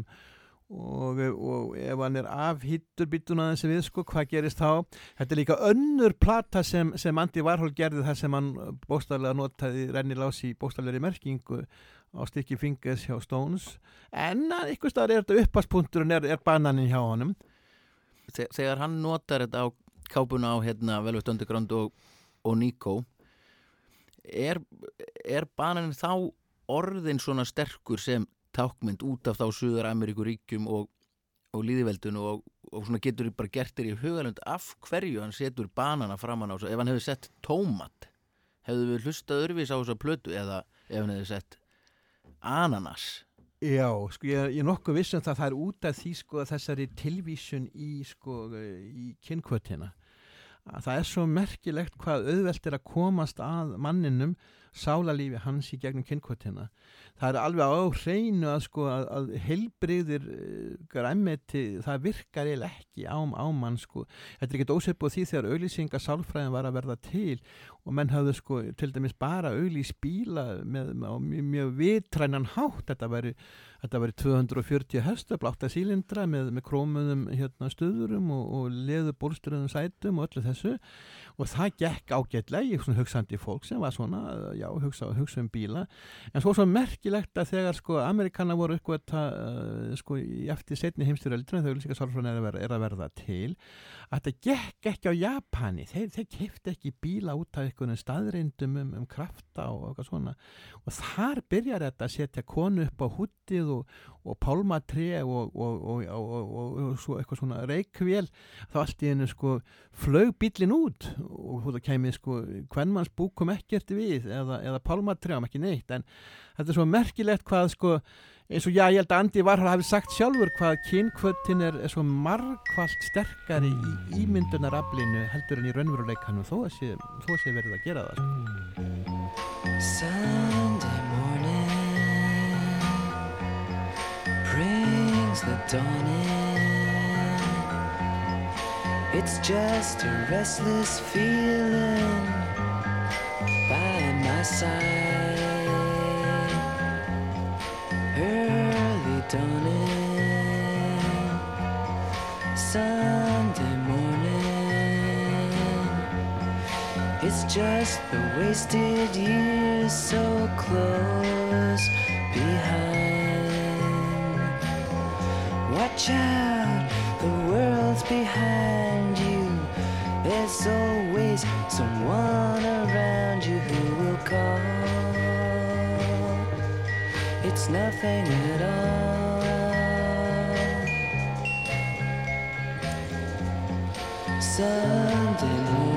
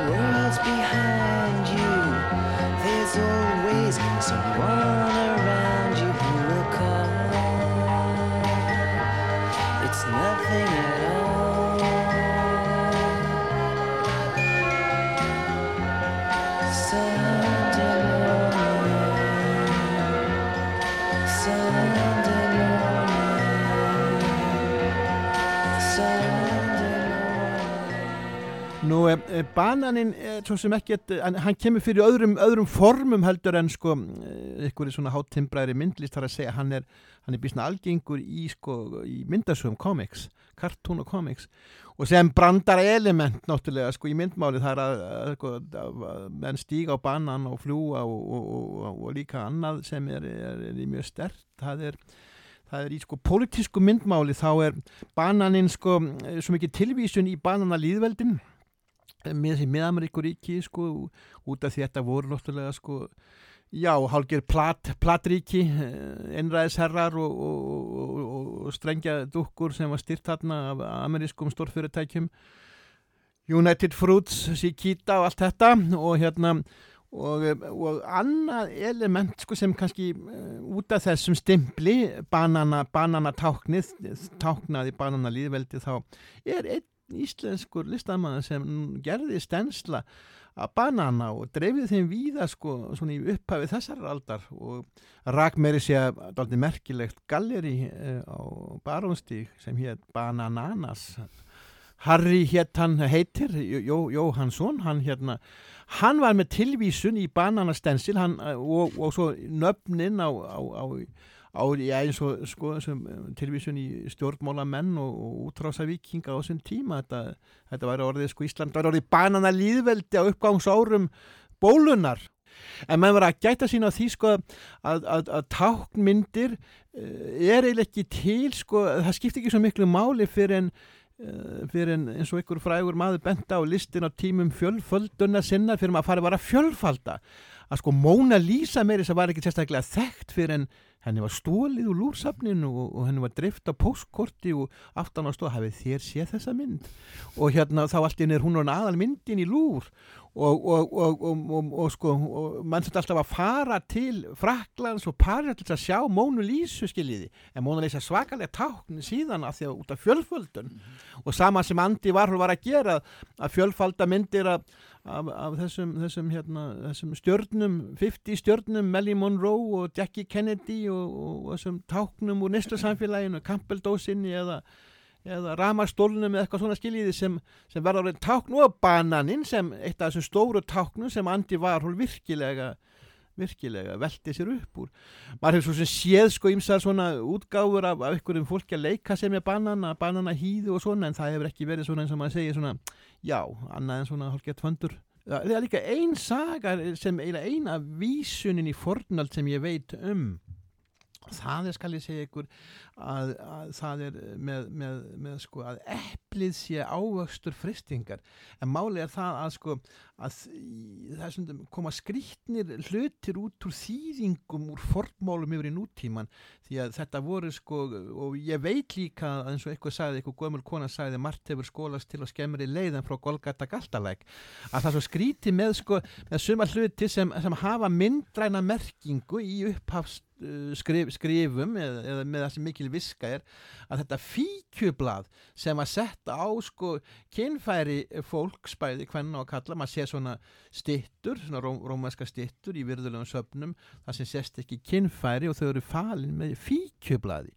Að það hafi sko, þetta sé mikil miskilingur því að í frum, frumteksta hafi þetta verið já, ávöxtur, skildur eh, banana og, og, og í ykkur skonar útgáfu og það hafi verið sko blöð uh, sem sagt trjána sem banarnir vaks á sem voru notu til þess að skýla. Og þetta sést eh, vel til dæmis setna meir því að blöð bananatrjáa voru notu til dæmis að í, Jós, í hvað hétt Jósefín Beik í hérna í, í, þegar hún var að, að setja á sig svona einhvers konar strápils eða bananapils að það er, það er til dæmis tilvísin í eitthvað sem var notað nokkuð snemma á, á öðrum eða þriða 20. aldar hún klætti sig bara í banana rauninni. já, klætti sér í banan, já skildi sér sko með banan það, það er eiginlega kannski fyrsta tilvísinin í svona nútíma list allavega eða 20. aldar list sko bananinn hann, hann svona, þetta er stert tákn, hann, hann sko, við þekkjum til dæmis bara hérna úr mótmælum hérna fyrir ekkert lungu síðan þá var fólk að kasta banunum í, í ráðamenn þjóðarinnar og í svona þessi tákn fyrir stjórnvaldi sko, fyrir hérna í allþekisúsið og, og svo framvegis. Já, tilvísin í bananalíðveldi sem er tilvísin í já. þannig þetta er svolítið stert tákn, þú tekur líka húmórin sko, renna á banani hinnu svo líka skepna sem er mjög lík okkur en og við kannski erum að reyna að forðast að vera og það er appinn sko, við erum alltaf appar akkúrat. þeir eru oft ymmit síndir með banana. Já, já, það er merkilega við að einhvern tímann sá ég mann sem gerði tilrenn og, og spurði að því hvernig á hverjum endanum uh, afhýður banana og, og, og, eiginlega, við, tókum öll hann harða enda með þessum, þessum, þessum, priki sem kemur út úr. Það er kolvittlust að apar gera það aldrei. Þeir taka hann hinni meginn frá. Og það er miklu auðveldar þegar maður fara að fatta þetta og miklu auðveldar að halda á honum. En bara hugsa út í þetta. Þannig að það talsveit meiri kannski reynsla sem apar hafa af bananum heldur en, heldur, heldur en maðurinn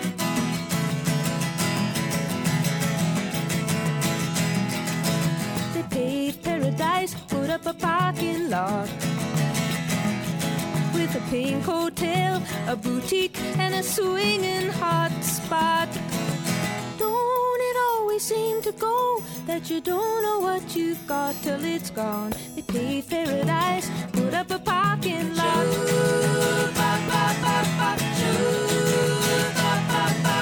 They took all the trees, put them in a tree museum. They charged the people a dollar and a half just to see them. Don't it always seem to go that you don't know what you've got till it's gone? They paved paradise, put up a parking lot.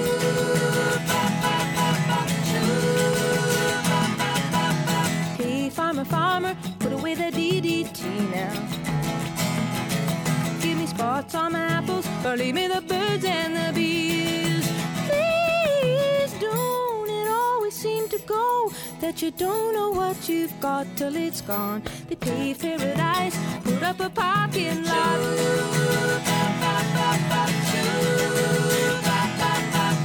Late last night, I heard the screen door slam. And a big yellow taxi took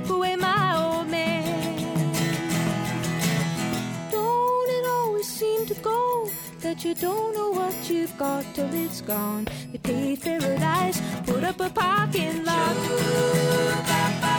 I said, don't it always seem to go that you don't know what you've got till it's gone? They paved paradise, put up a parking lot. They paved paradise, put up a parking lot.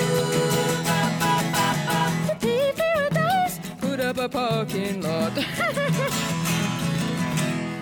En ef við veltum fyrir ykkur sko, ef við getum spurt þig að því að þú ert nú hérna, þú ert svo gáður og klármaður staða bananans, Goddur 2017 Já, sko staðabanana sko, hún er nokkuð góð vegna þess sko málið að það að bara líturinn á bananum þetta er svo mikið gleði. Og hann er þetta er svo mikið gleði sem fylgir þessum hérna lit og sjá hann sko breytast úr græni í gullt í stormörkuðum og hvað hann raunver að lítur anskoti vel út í smá tíma har sér staðan bananans hefur breyst svo mikið með þessu sko með þessu flug, með fraktflug að fá hann ferskan og og, og svona eins og, eins og við viljum hafa hann.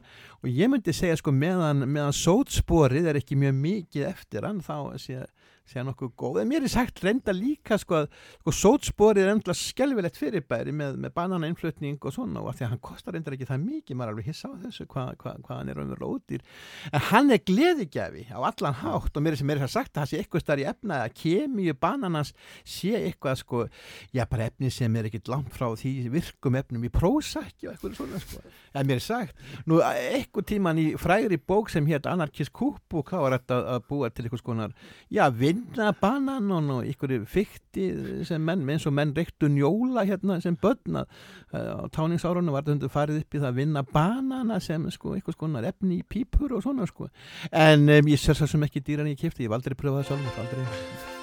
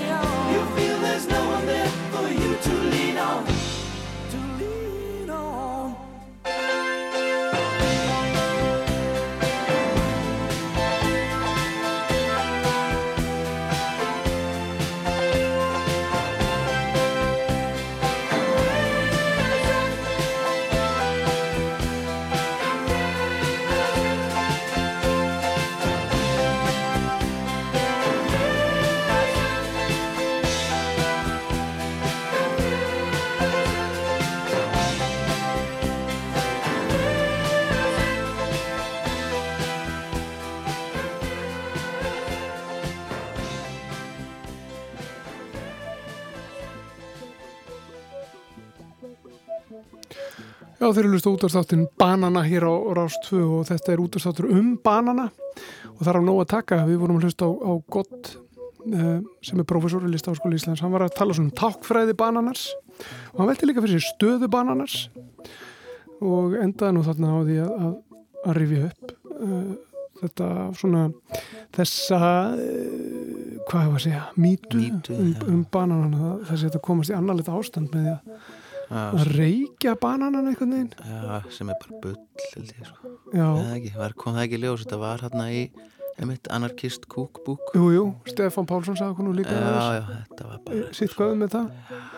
Ég veit það ekki. Nei, nei ég... Það er ólíklegt. Já, en kannski hafa, þú veist, fólk hefur nú þetta eða Já, reynt já, þetta. Eflaust Ég hafa held sem meiri áttur vesen, sko.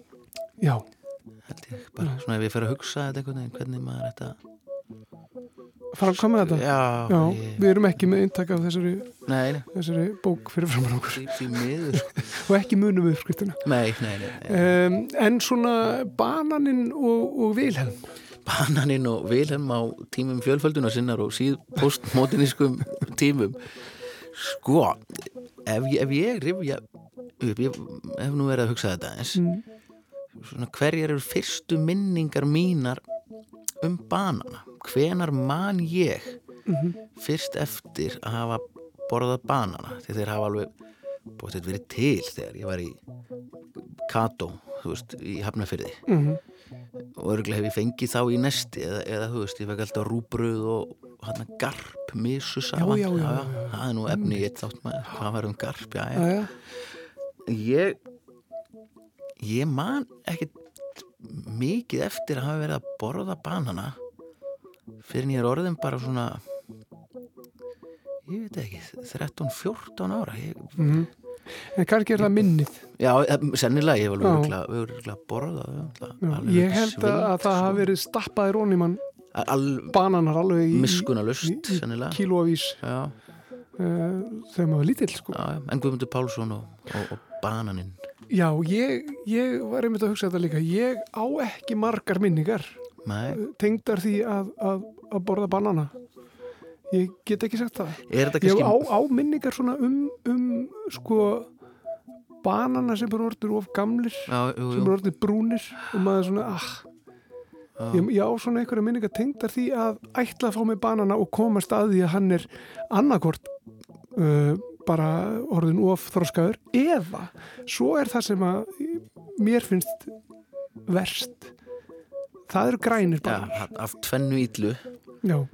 þá tæki ég frekar of þroskana því að býta í Já, of, en já. grænan Já. banana er og eins og rættum ykkur er þetta tanni, þetta er Já, ríkalegt sko. þetta er ekki gott sko, Þetta er það er svona- eitthvað svona þurrt þetta er eins og að býta í steinin í vinnberju þetta er sama Já. Svona herp, maður, ég herpist sama núna bara við að hugsa, við tilhugsunna þá mér þetta enginn. Nei, Nei. Við, við viljum dáliti freknúta banana erum við ekki saman um já, það? jú, það er jú, jú, jú, gulir og, og komnir með freknur, einhver tíman, einhver tíman heyrði ég Mm. að vilji maður lengja líf bananans. Og alveg eins og Gurri bendi á upphæfi þáttar þá er alveg bannað að geima banan og epli hlið við hlið því að epli gefa frá sér eitthvað öldrunar hormón sem ég man ekki alveg í svipin hvað heitir en það gera það í gríðalögu magni allt í nú fyrir, það hlýtur nú hlýtur það ekki að virka okkur líka. Ég, mitt, ég var einmitt að hugsa og maður þá ekki bara að halda sér fjærri eplum? ekki vera með eplum ekki, sofa með sér. Ha, þeir svona allar kennslukonur í myndum og kennara svona gamlir að krakkarnir er alltaf að gefa þeim epli. Og þau er bara snar eldast. En allavega við vorum að, já, já, hérna einhvern tíman heyri ég á, á, á ferðu mínum um, um, um alheiminn Um alheiminn, um já. alheiminn að vilji maður lengja að hæja á Mhm. þroskaferli banana þá, þá megi taka svona eh, matarfilmu, svona vítarapp og vefja utanum eh, stilkin ef það má kalla það þar sem að fingurnir fingur bananans mætast þarna á einum stað sem maður er alltaf að ég veit Mhm. ekkert, nú er Mhm. gurri sannlega alveg brjálu þetta heitir, heitir þetta ekki bara stilkur Ég veit það ekki lófi eða eitthvað, að að heitir þetta fingur Já. og, og vefji maður plasti utanum það þá eigi það að hæja á þroskanum sko. Já, þú segir fréttir. Já, er það er það, segi ég fréttir eða hjátrú Ég En, en að því vorum að rifja upp sko minningar upp banana, þá á ég eina minningu síðan ég var ungu maður. Þá var ég að vinna í, í Svíþjóð, ég var að aðstóða eldri borgara í, í Stokkólmi. Við þeirra svona dælu við því, ég var svona þrýfa hjá þeim og fara út í búð og svona og, og hjálpa þeim með eitt og annað. Og þá var ég sendur út í búð einu sinni og það var kona sem að sendi mig alltaf út í búð að kaupa banana. Hún lit mig alltaf að kaupa banana og, og ég átti alltaf að kaupa þroskabanana þroskuðustu banana sem ég fann í búðinni og þeir voru oft bara einmitt ekki nú þroskar, þeir voru bara grænar. Þá var hún með dálítið ráð, þessi kona. Og hún setti bara potta, fyllti það á vatni setti potta á, á allar hellur og sauð og fyllti bara eldur að guf og svo svo letur bara svo letur bara hann að standa í þessar gufu í þeirri von að, að þeir myndu, myndu þroskast hraðar. Eftir að hún búin að skamma mig fyrir að kaupa ekki og þroskaði banana. En yndislega kona og góð minning Þetta er, þetta er svo kannski svona full vel í lagt að, hérna, að breyta íbúðunni bara í, í guðbað já. til, að- til að, en ég meina það er bara svona maður þarf að berga sér að berga sér kannski átt hún ekki epli kannski áttu ekki efni, hver veit The yellow light shining down, the yellow light shining down, the yellow light shining down, the yellow light shining. One,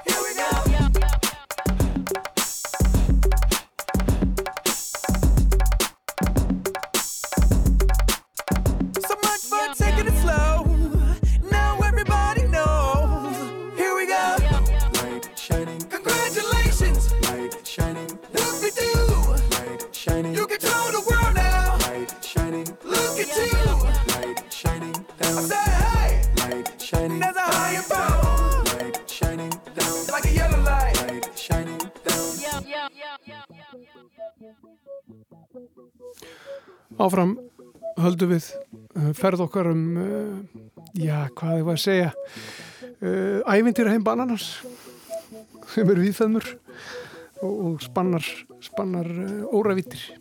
Þannig bara þannig. Ég heiti Guðmundur Pálsson.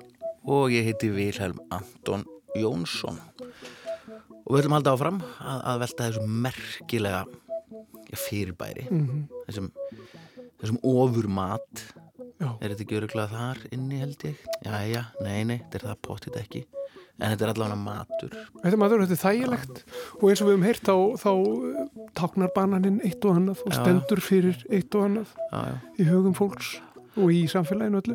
ætli banan sé mögulega sigur eða leinivopn bananans ætli það sé ekki að hann kom í umbúð það þarf, þú það. ekki að skóla þú getur tekið það sama hversu mörg handtök Mhm.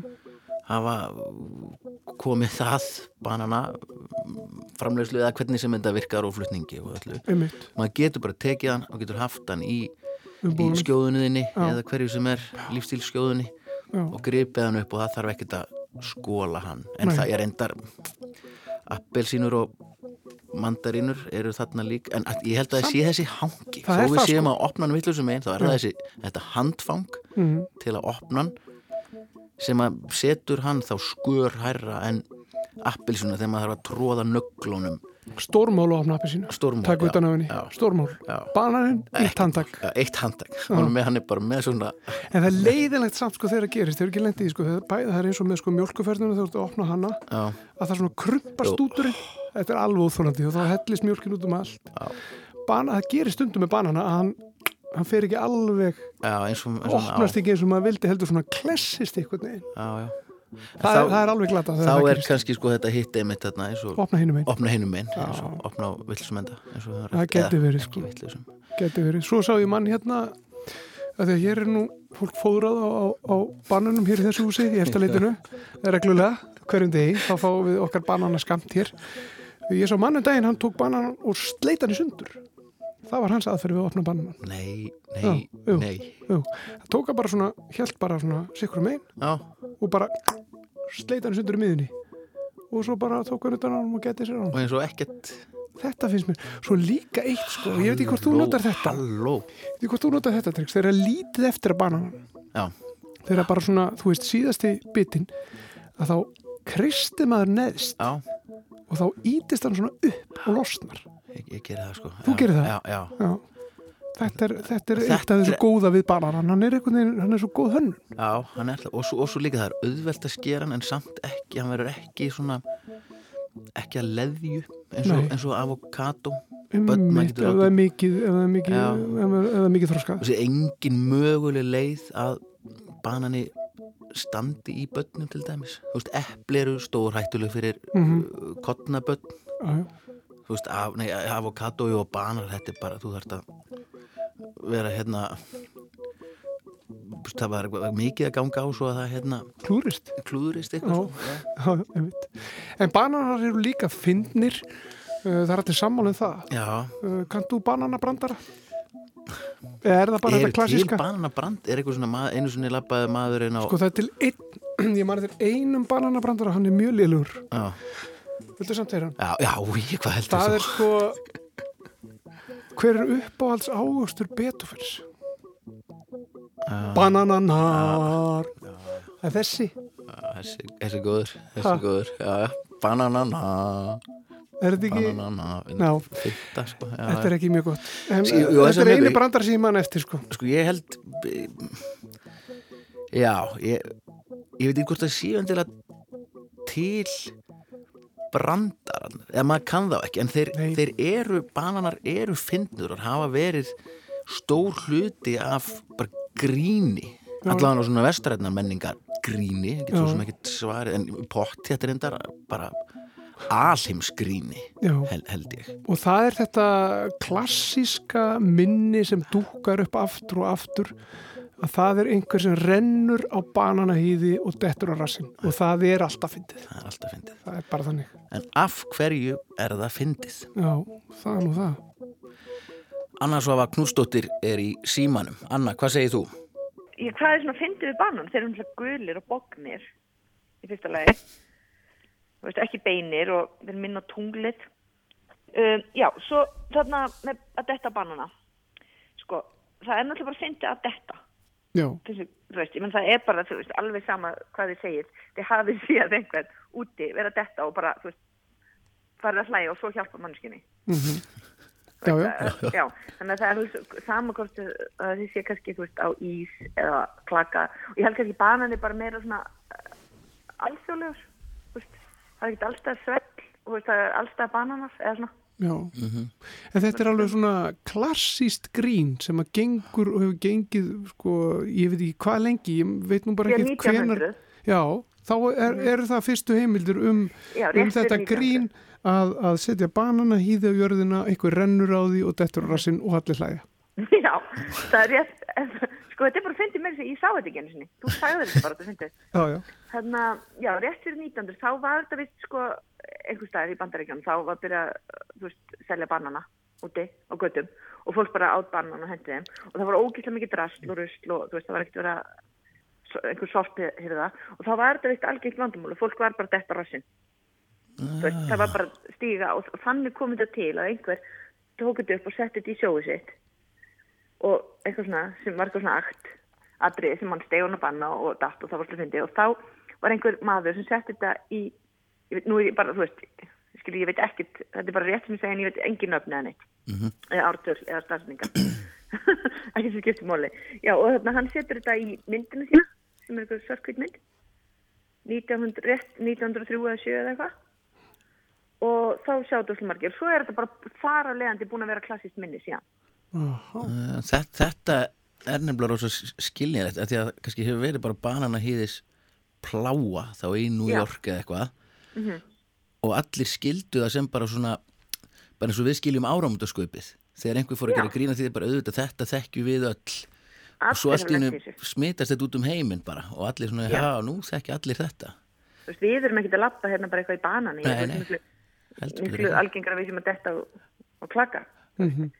en svo er líka eitt sem ég var að hugsa um þannig að banan er alltaf svona opinn á myndum Einmitt. skiljiði mig. Op- já. en þú veist, það virkar ekki. En mjög sjaldan. Það virkar ef hann er lokaður og þú veist, þetta strikst um sjálft sig, skiljuðu Já, já, akkurat. Þú veist, Já, þannig það að- getur ekki verið svona leið eins og krossfiskur á göttun eins og er oft Nei. í myndunum. Nei. heldur þarf þetta svona hýði í hýði snertingu einhverja.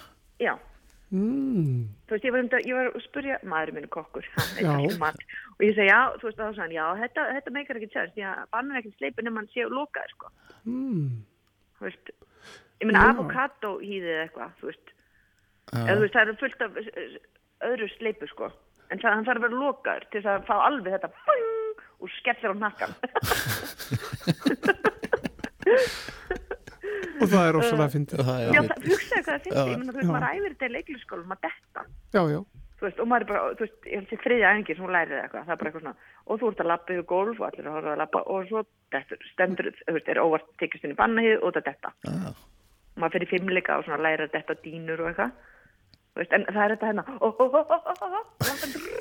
þú veist, spólast upp í loftið og já, þetta, ég meina, þú veist, ég veit ekki, þetta er bara fyndið Þetta er bara fyndið. þetta er bara eins og Edda Björkvís Það er bara fyndið.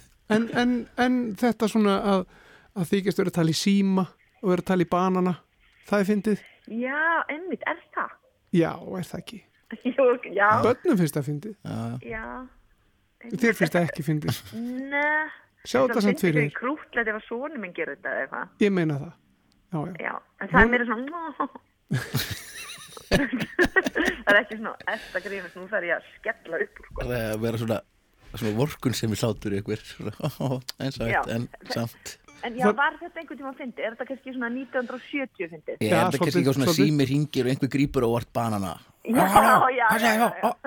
eitthvað, þú veist Þetta finnst þið fyndið núna.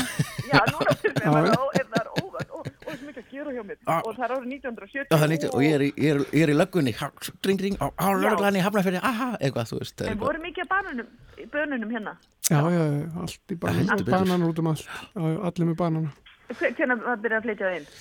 Það er bara svona, já, það er bara mjög snemma, það mjög langt síðan. Já, ok. Það er mjög langt síðan, sko. já, já. En, en bara rétt að lokum að því að þú ert alltaf að búið til ís Mhm. er bananinn ekki svolítið sterkur þar? Jú, þú veist, jú, það er... Svaraði, svaraði bananaðin svaraði bananinn að Já, ringa Hvað sér ég talið, ég er með þrjá tíma á heimilinu, nei, sko, jú, ég menna, það kemur svo sterkt bræða bannisnum, sérstaklega, sko, þú veist, eftir smá tíma, mm. þú veist, eins og þú ert að baka bannabrauð, þá notur þú banna, skilur, sem eru orðin svartir, Já, já, skilur, en við gerum þannig ekki, en það bara kemur svona, veist, hann er alveg góður ferskur, náttúrulega, eins og banna svartir og svona, það svona, meira bræð eftir nokkuð stað, svona sætari þegar hann aðeins fyrir að eitthvað brotna mhm. Og hann er Já. gó- góður í ís Það er gott að nota hann í ís Ótrúlega góður í ís. Þannig að banana og núgat, Mhm. súkulega, nutella fyrir ekki, núgat. Ég meina banana og nutella og svo banana sorbet. Mhm. Þetta er klassist Já, þetta er klassist, sko. Og við erum saman um það að það finnast að við bananan það er þetta klassíska að renna bananahýði Annars er það ekki klassist. Annars verður ekki klassíst Nákvæmlega. Annars var Annars var Knústóttir Takk fyrir þetta. Takk fyrir.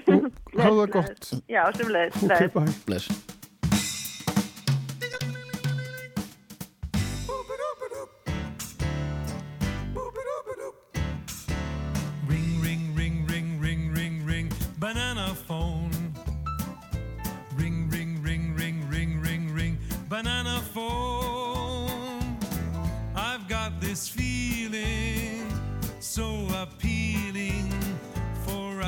get together and sing, sing.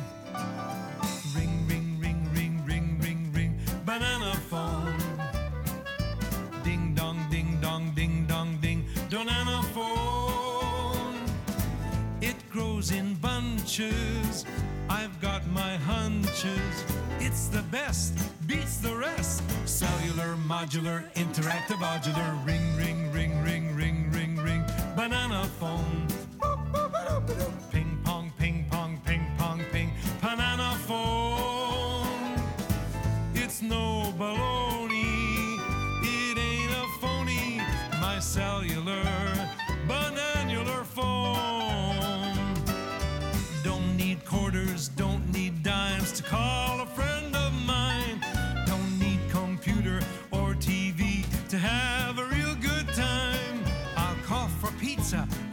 My cat, I'll call the White House, have a chat, I'll place a call around the world. Operator, get me Beijing, jing, jing, jing.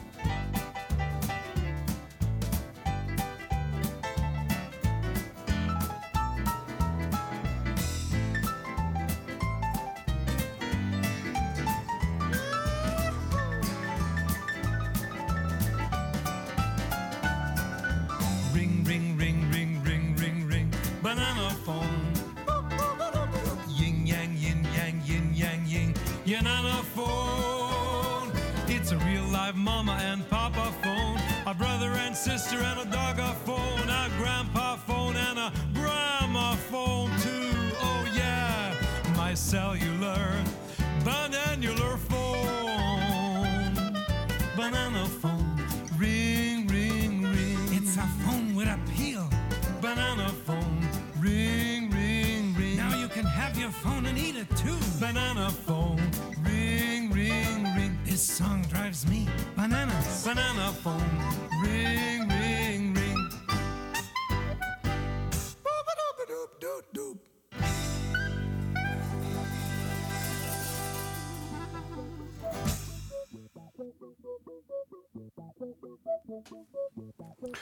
Já, það held ég, þá er nú uh, þessari vegferð okkar um uh, já, lendur bananans banana banana. Plantegrur Plantegrur Egrur bananans banana plantegrurnar um, henn er sann að ljúka þessari ferð okkar. Uh, og við erum margsvísari Já, ég segja. já ég, ég líka, sa- sannarlega það er þarna ímislegt við höfum við höfum lært um um táknmyndir banana sem við þekktum. Mhm. eða svona vissum af en þarna kom margt mjög merkilegt fram. Já, við erum búin að læra eitt og annað um uh, matreyslu banana, við höfum pælt í af hverju bananar eru svona fyndnir. Já, já, já. Sem þeir eru, sannarlega sem, sem þeir eru sannarlega. Og svo er náttúrulega þessi merkilega saga bananars og uh, hættutar sem að Já. stæðja bananar sem er nú kannski mál, mál málana að Já. þessi Cavendish tegunda banana sem að við, sem er þessi banani sem við þekkjum er að deyja út. Já, það er þessi þessi eh, slæma eh, sveppasíking sem Já. að herjar á, á Cavendish eins og gerðist eh, með forvera eh, Cavendish yrkisins Já. sem að var Gros Michel Gros Michel, já, já og það sá banani bara dónánast út já, já. Og það gerist á, á frekar skömmum tíma eins og Gurri sagði okkur frá og það sama er að gerast núna með, Já. með Cavendish. Það er mikil hætt að ferðum. Er já, mér skildist á henni að það, þetta sé verið henni komið yfir hennan beigju skilapúnt það þetta verður, það verður ekki. Honum er ekki- snúið. Honum er ekki viðbjargandi. nei, það er bara þannig. Við, og það er sorglegt. Það, það er það svona, það er ákveðin söknuður í í kæfendi sem svo kemur banani í bananastað Við vonum það. það. Það hefur nú gerst í sögunni og svo er náttúrulega til alls konar bananar eh, eins og hefur líka komið fram. það eru til betur, betur litlir og stórir og mjóir og, og, og, og feitir og, og sætir og biskir og ég veit ekki hvað og hvað. Þó að við þekkjum nú bara þennan, þennan en Cavendish- Cavendish banana. og ég veit að kannski er þetta þessi, þessi ógn sem steðjar að þessum Cavendish yrki bananans. Ekki tilefni til rúmlega tvekja tíma dagskrágerðar hjá ríkisútvörpum í Suður Ameríku kannski eiga þeir 500 aðra tegundir sem að Mhm. bara hlæja að þessu, það er kannski bara hérna upp á Íslandi sem okkur þykir þetta og þjóðinni allir og nú tala ég fyrir, fyrir bara hönd ríkisútvarsins að þykir þetta það aðkallandi mál að þurfa, þurfa að búa til rúmlega tvekja tíma þátt og já. um þessu ógn og minningar, minningar orð um bananan sem verða þá til. Já, en hann er nú eða til og okkar færustu sérfræðingar uh, út um allan heim leggja nóttu dag uh, við að, að reyna að bjarga bjarga banananum uh, sem að já, við fögnum því að sjálfsögðu að eiga svona færa vísindamenn já, já. Sem, að, sem að geta, geta lagt þetta á sig fyrir okkur Já, geta síslaði, síslaði þessu sko Já. En nú er runnu upp nýtt ár uh, Viljan Verður það ár bananans? Já, þetta, þetta er góð spurning verður Mm. þetta ár bananans Já, ég ætla ég ætla að leifa mér að segja það því að átján Mhm. talan átta 2018 má skrifa allt með bönunum tveir eru bóknir, null Mhm. eru svo tveir bananar Rétt. einn eins og einn banani og átta er eins og fjórir bananar ræða saman þannig ég myndi segja að 2018 væri sannarlega ár bananans Ég tek undir þetta og, og ég vona bara að allir landsmenn muni njóta banana áts á árinu 2018 ha, Er það ekki, vonum við það ekki bara? Við, við erum að gera það, jú, jú, jú. Við ætlum að láta þessu lokið e, þátturinn Bananar hefur runnið sitt skeið við óskum öllum hlustendum rásar 2 og e, hlustendum annara útvarsrása sem að kannski þekkja einhverja sem að hlusta á rás 2 og geta skila þessari við sko öllum gleðilegs nýs árs og, og vonum að, að árið færið þeim bara já, frið, gleði hamingju og fullt af bananum Takk fyrir okkur, ég heiti Guðmundur Pálsson. Og ég heiti Viljum Anton Jónsson. Við heyrumst vonandi síðar með eitthvað aðkallandi. Það verður eitthvað. Það verður eitthvað. Takk fyrir okkur. Bless.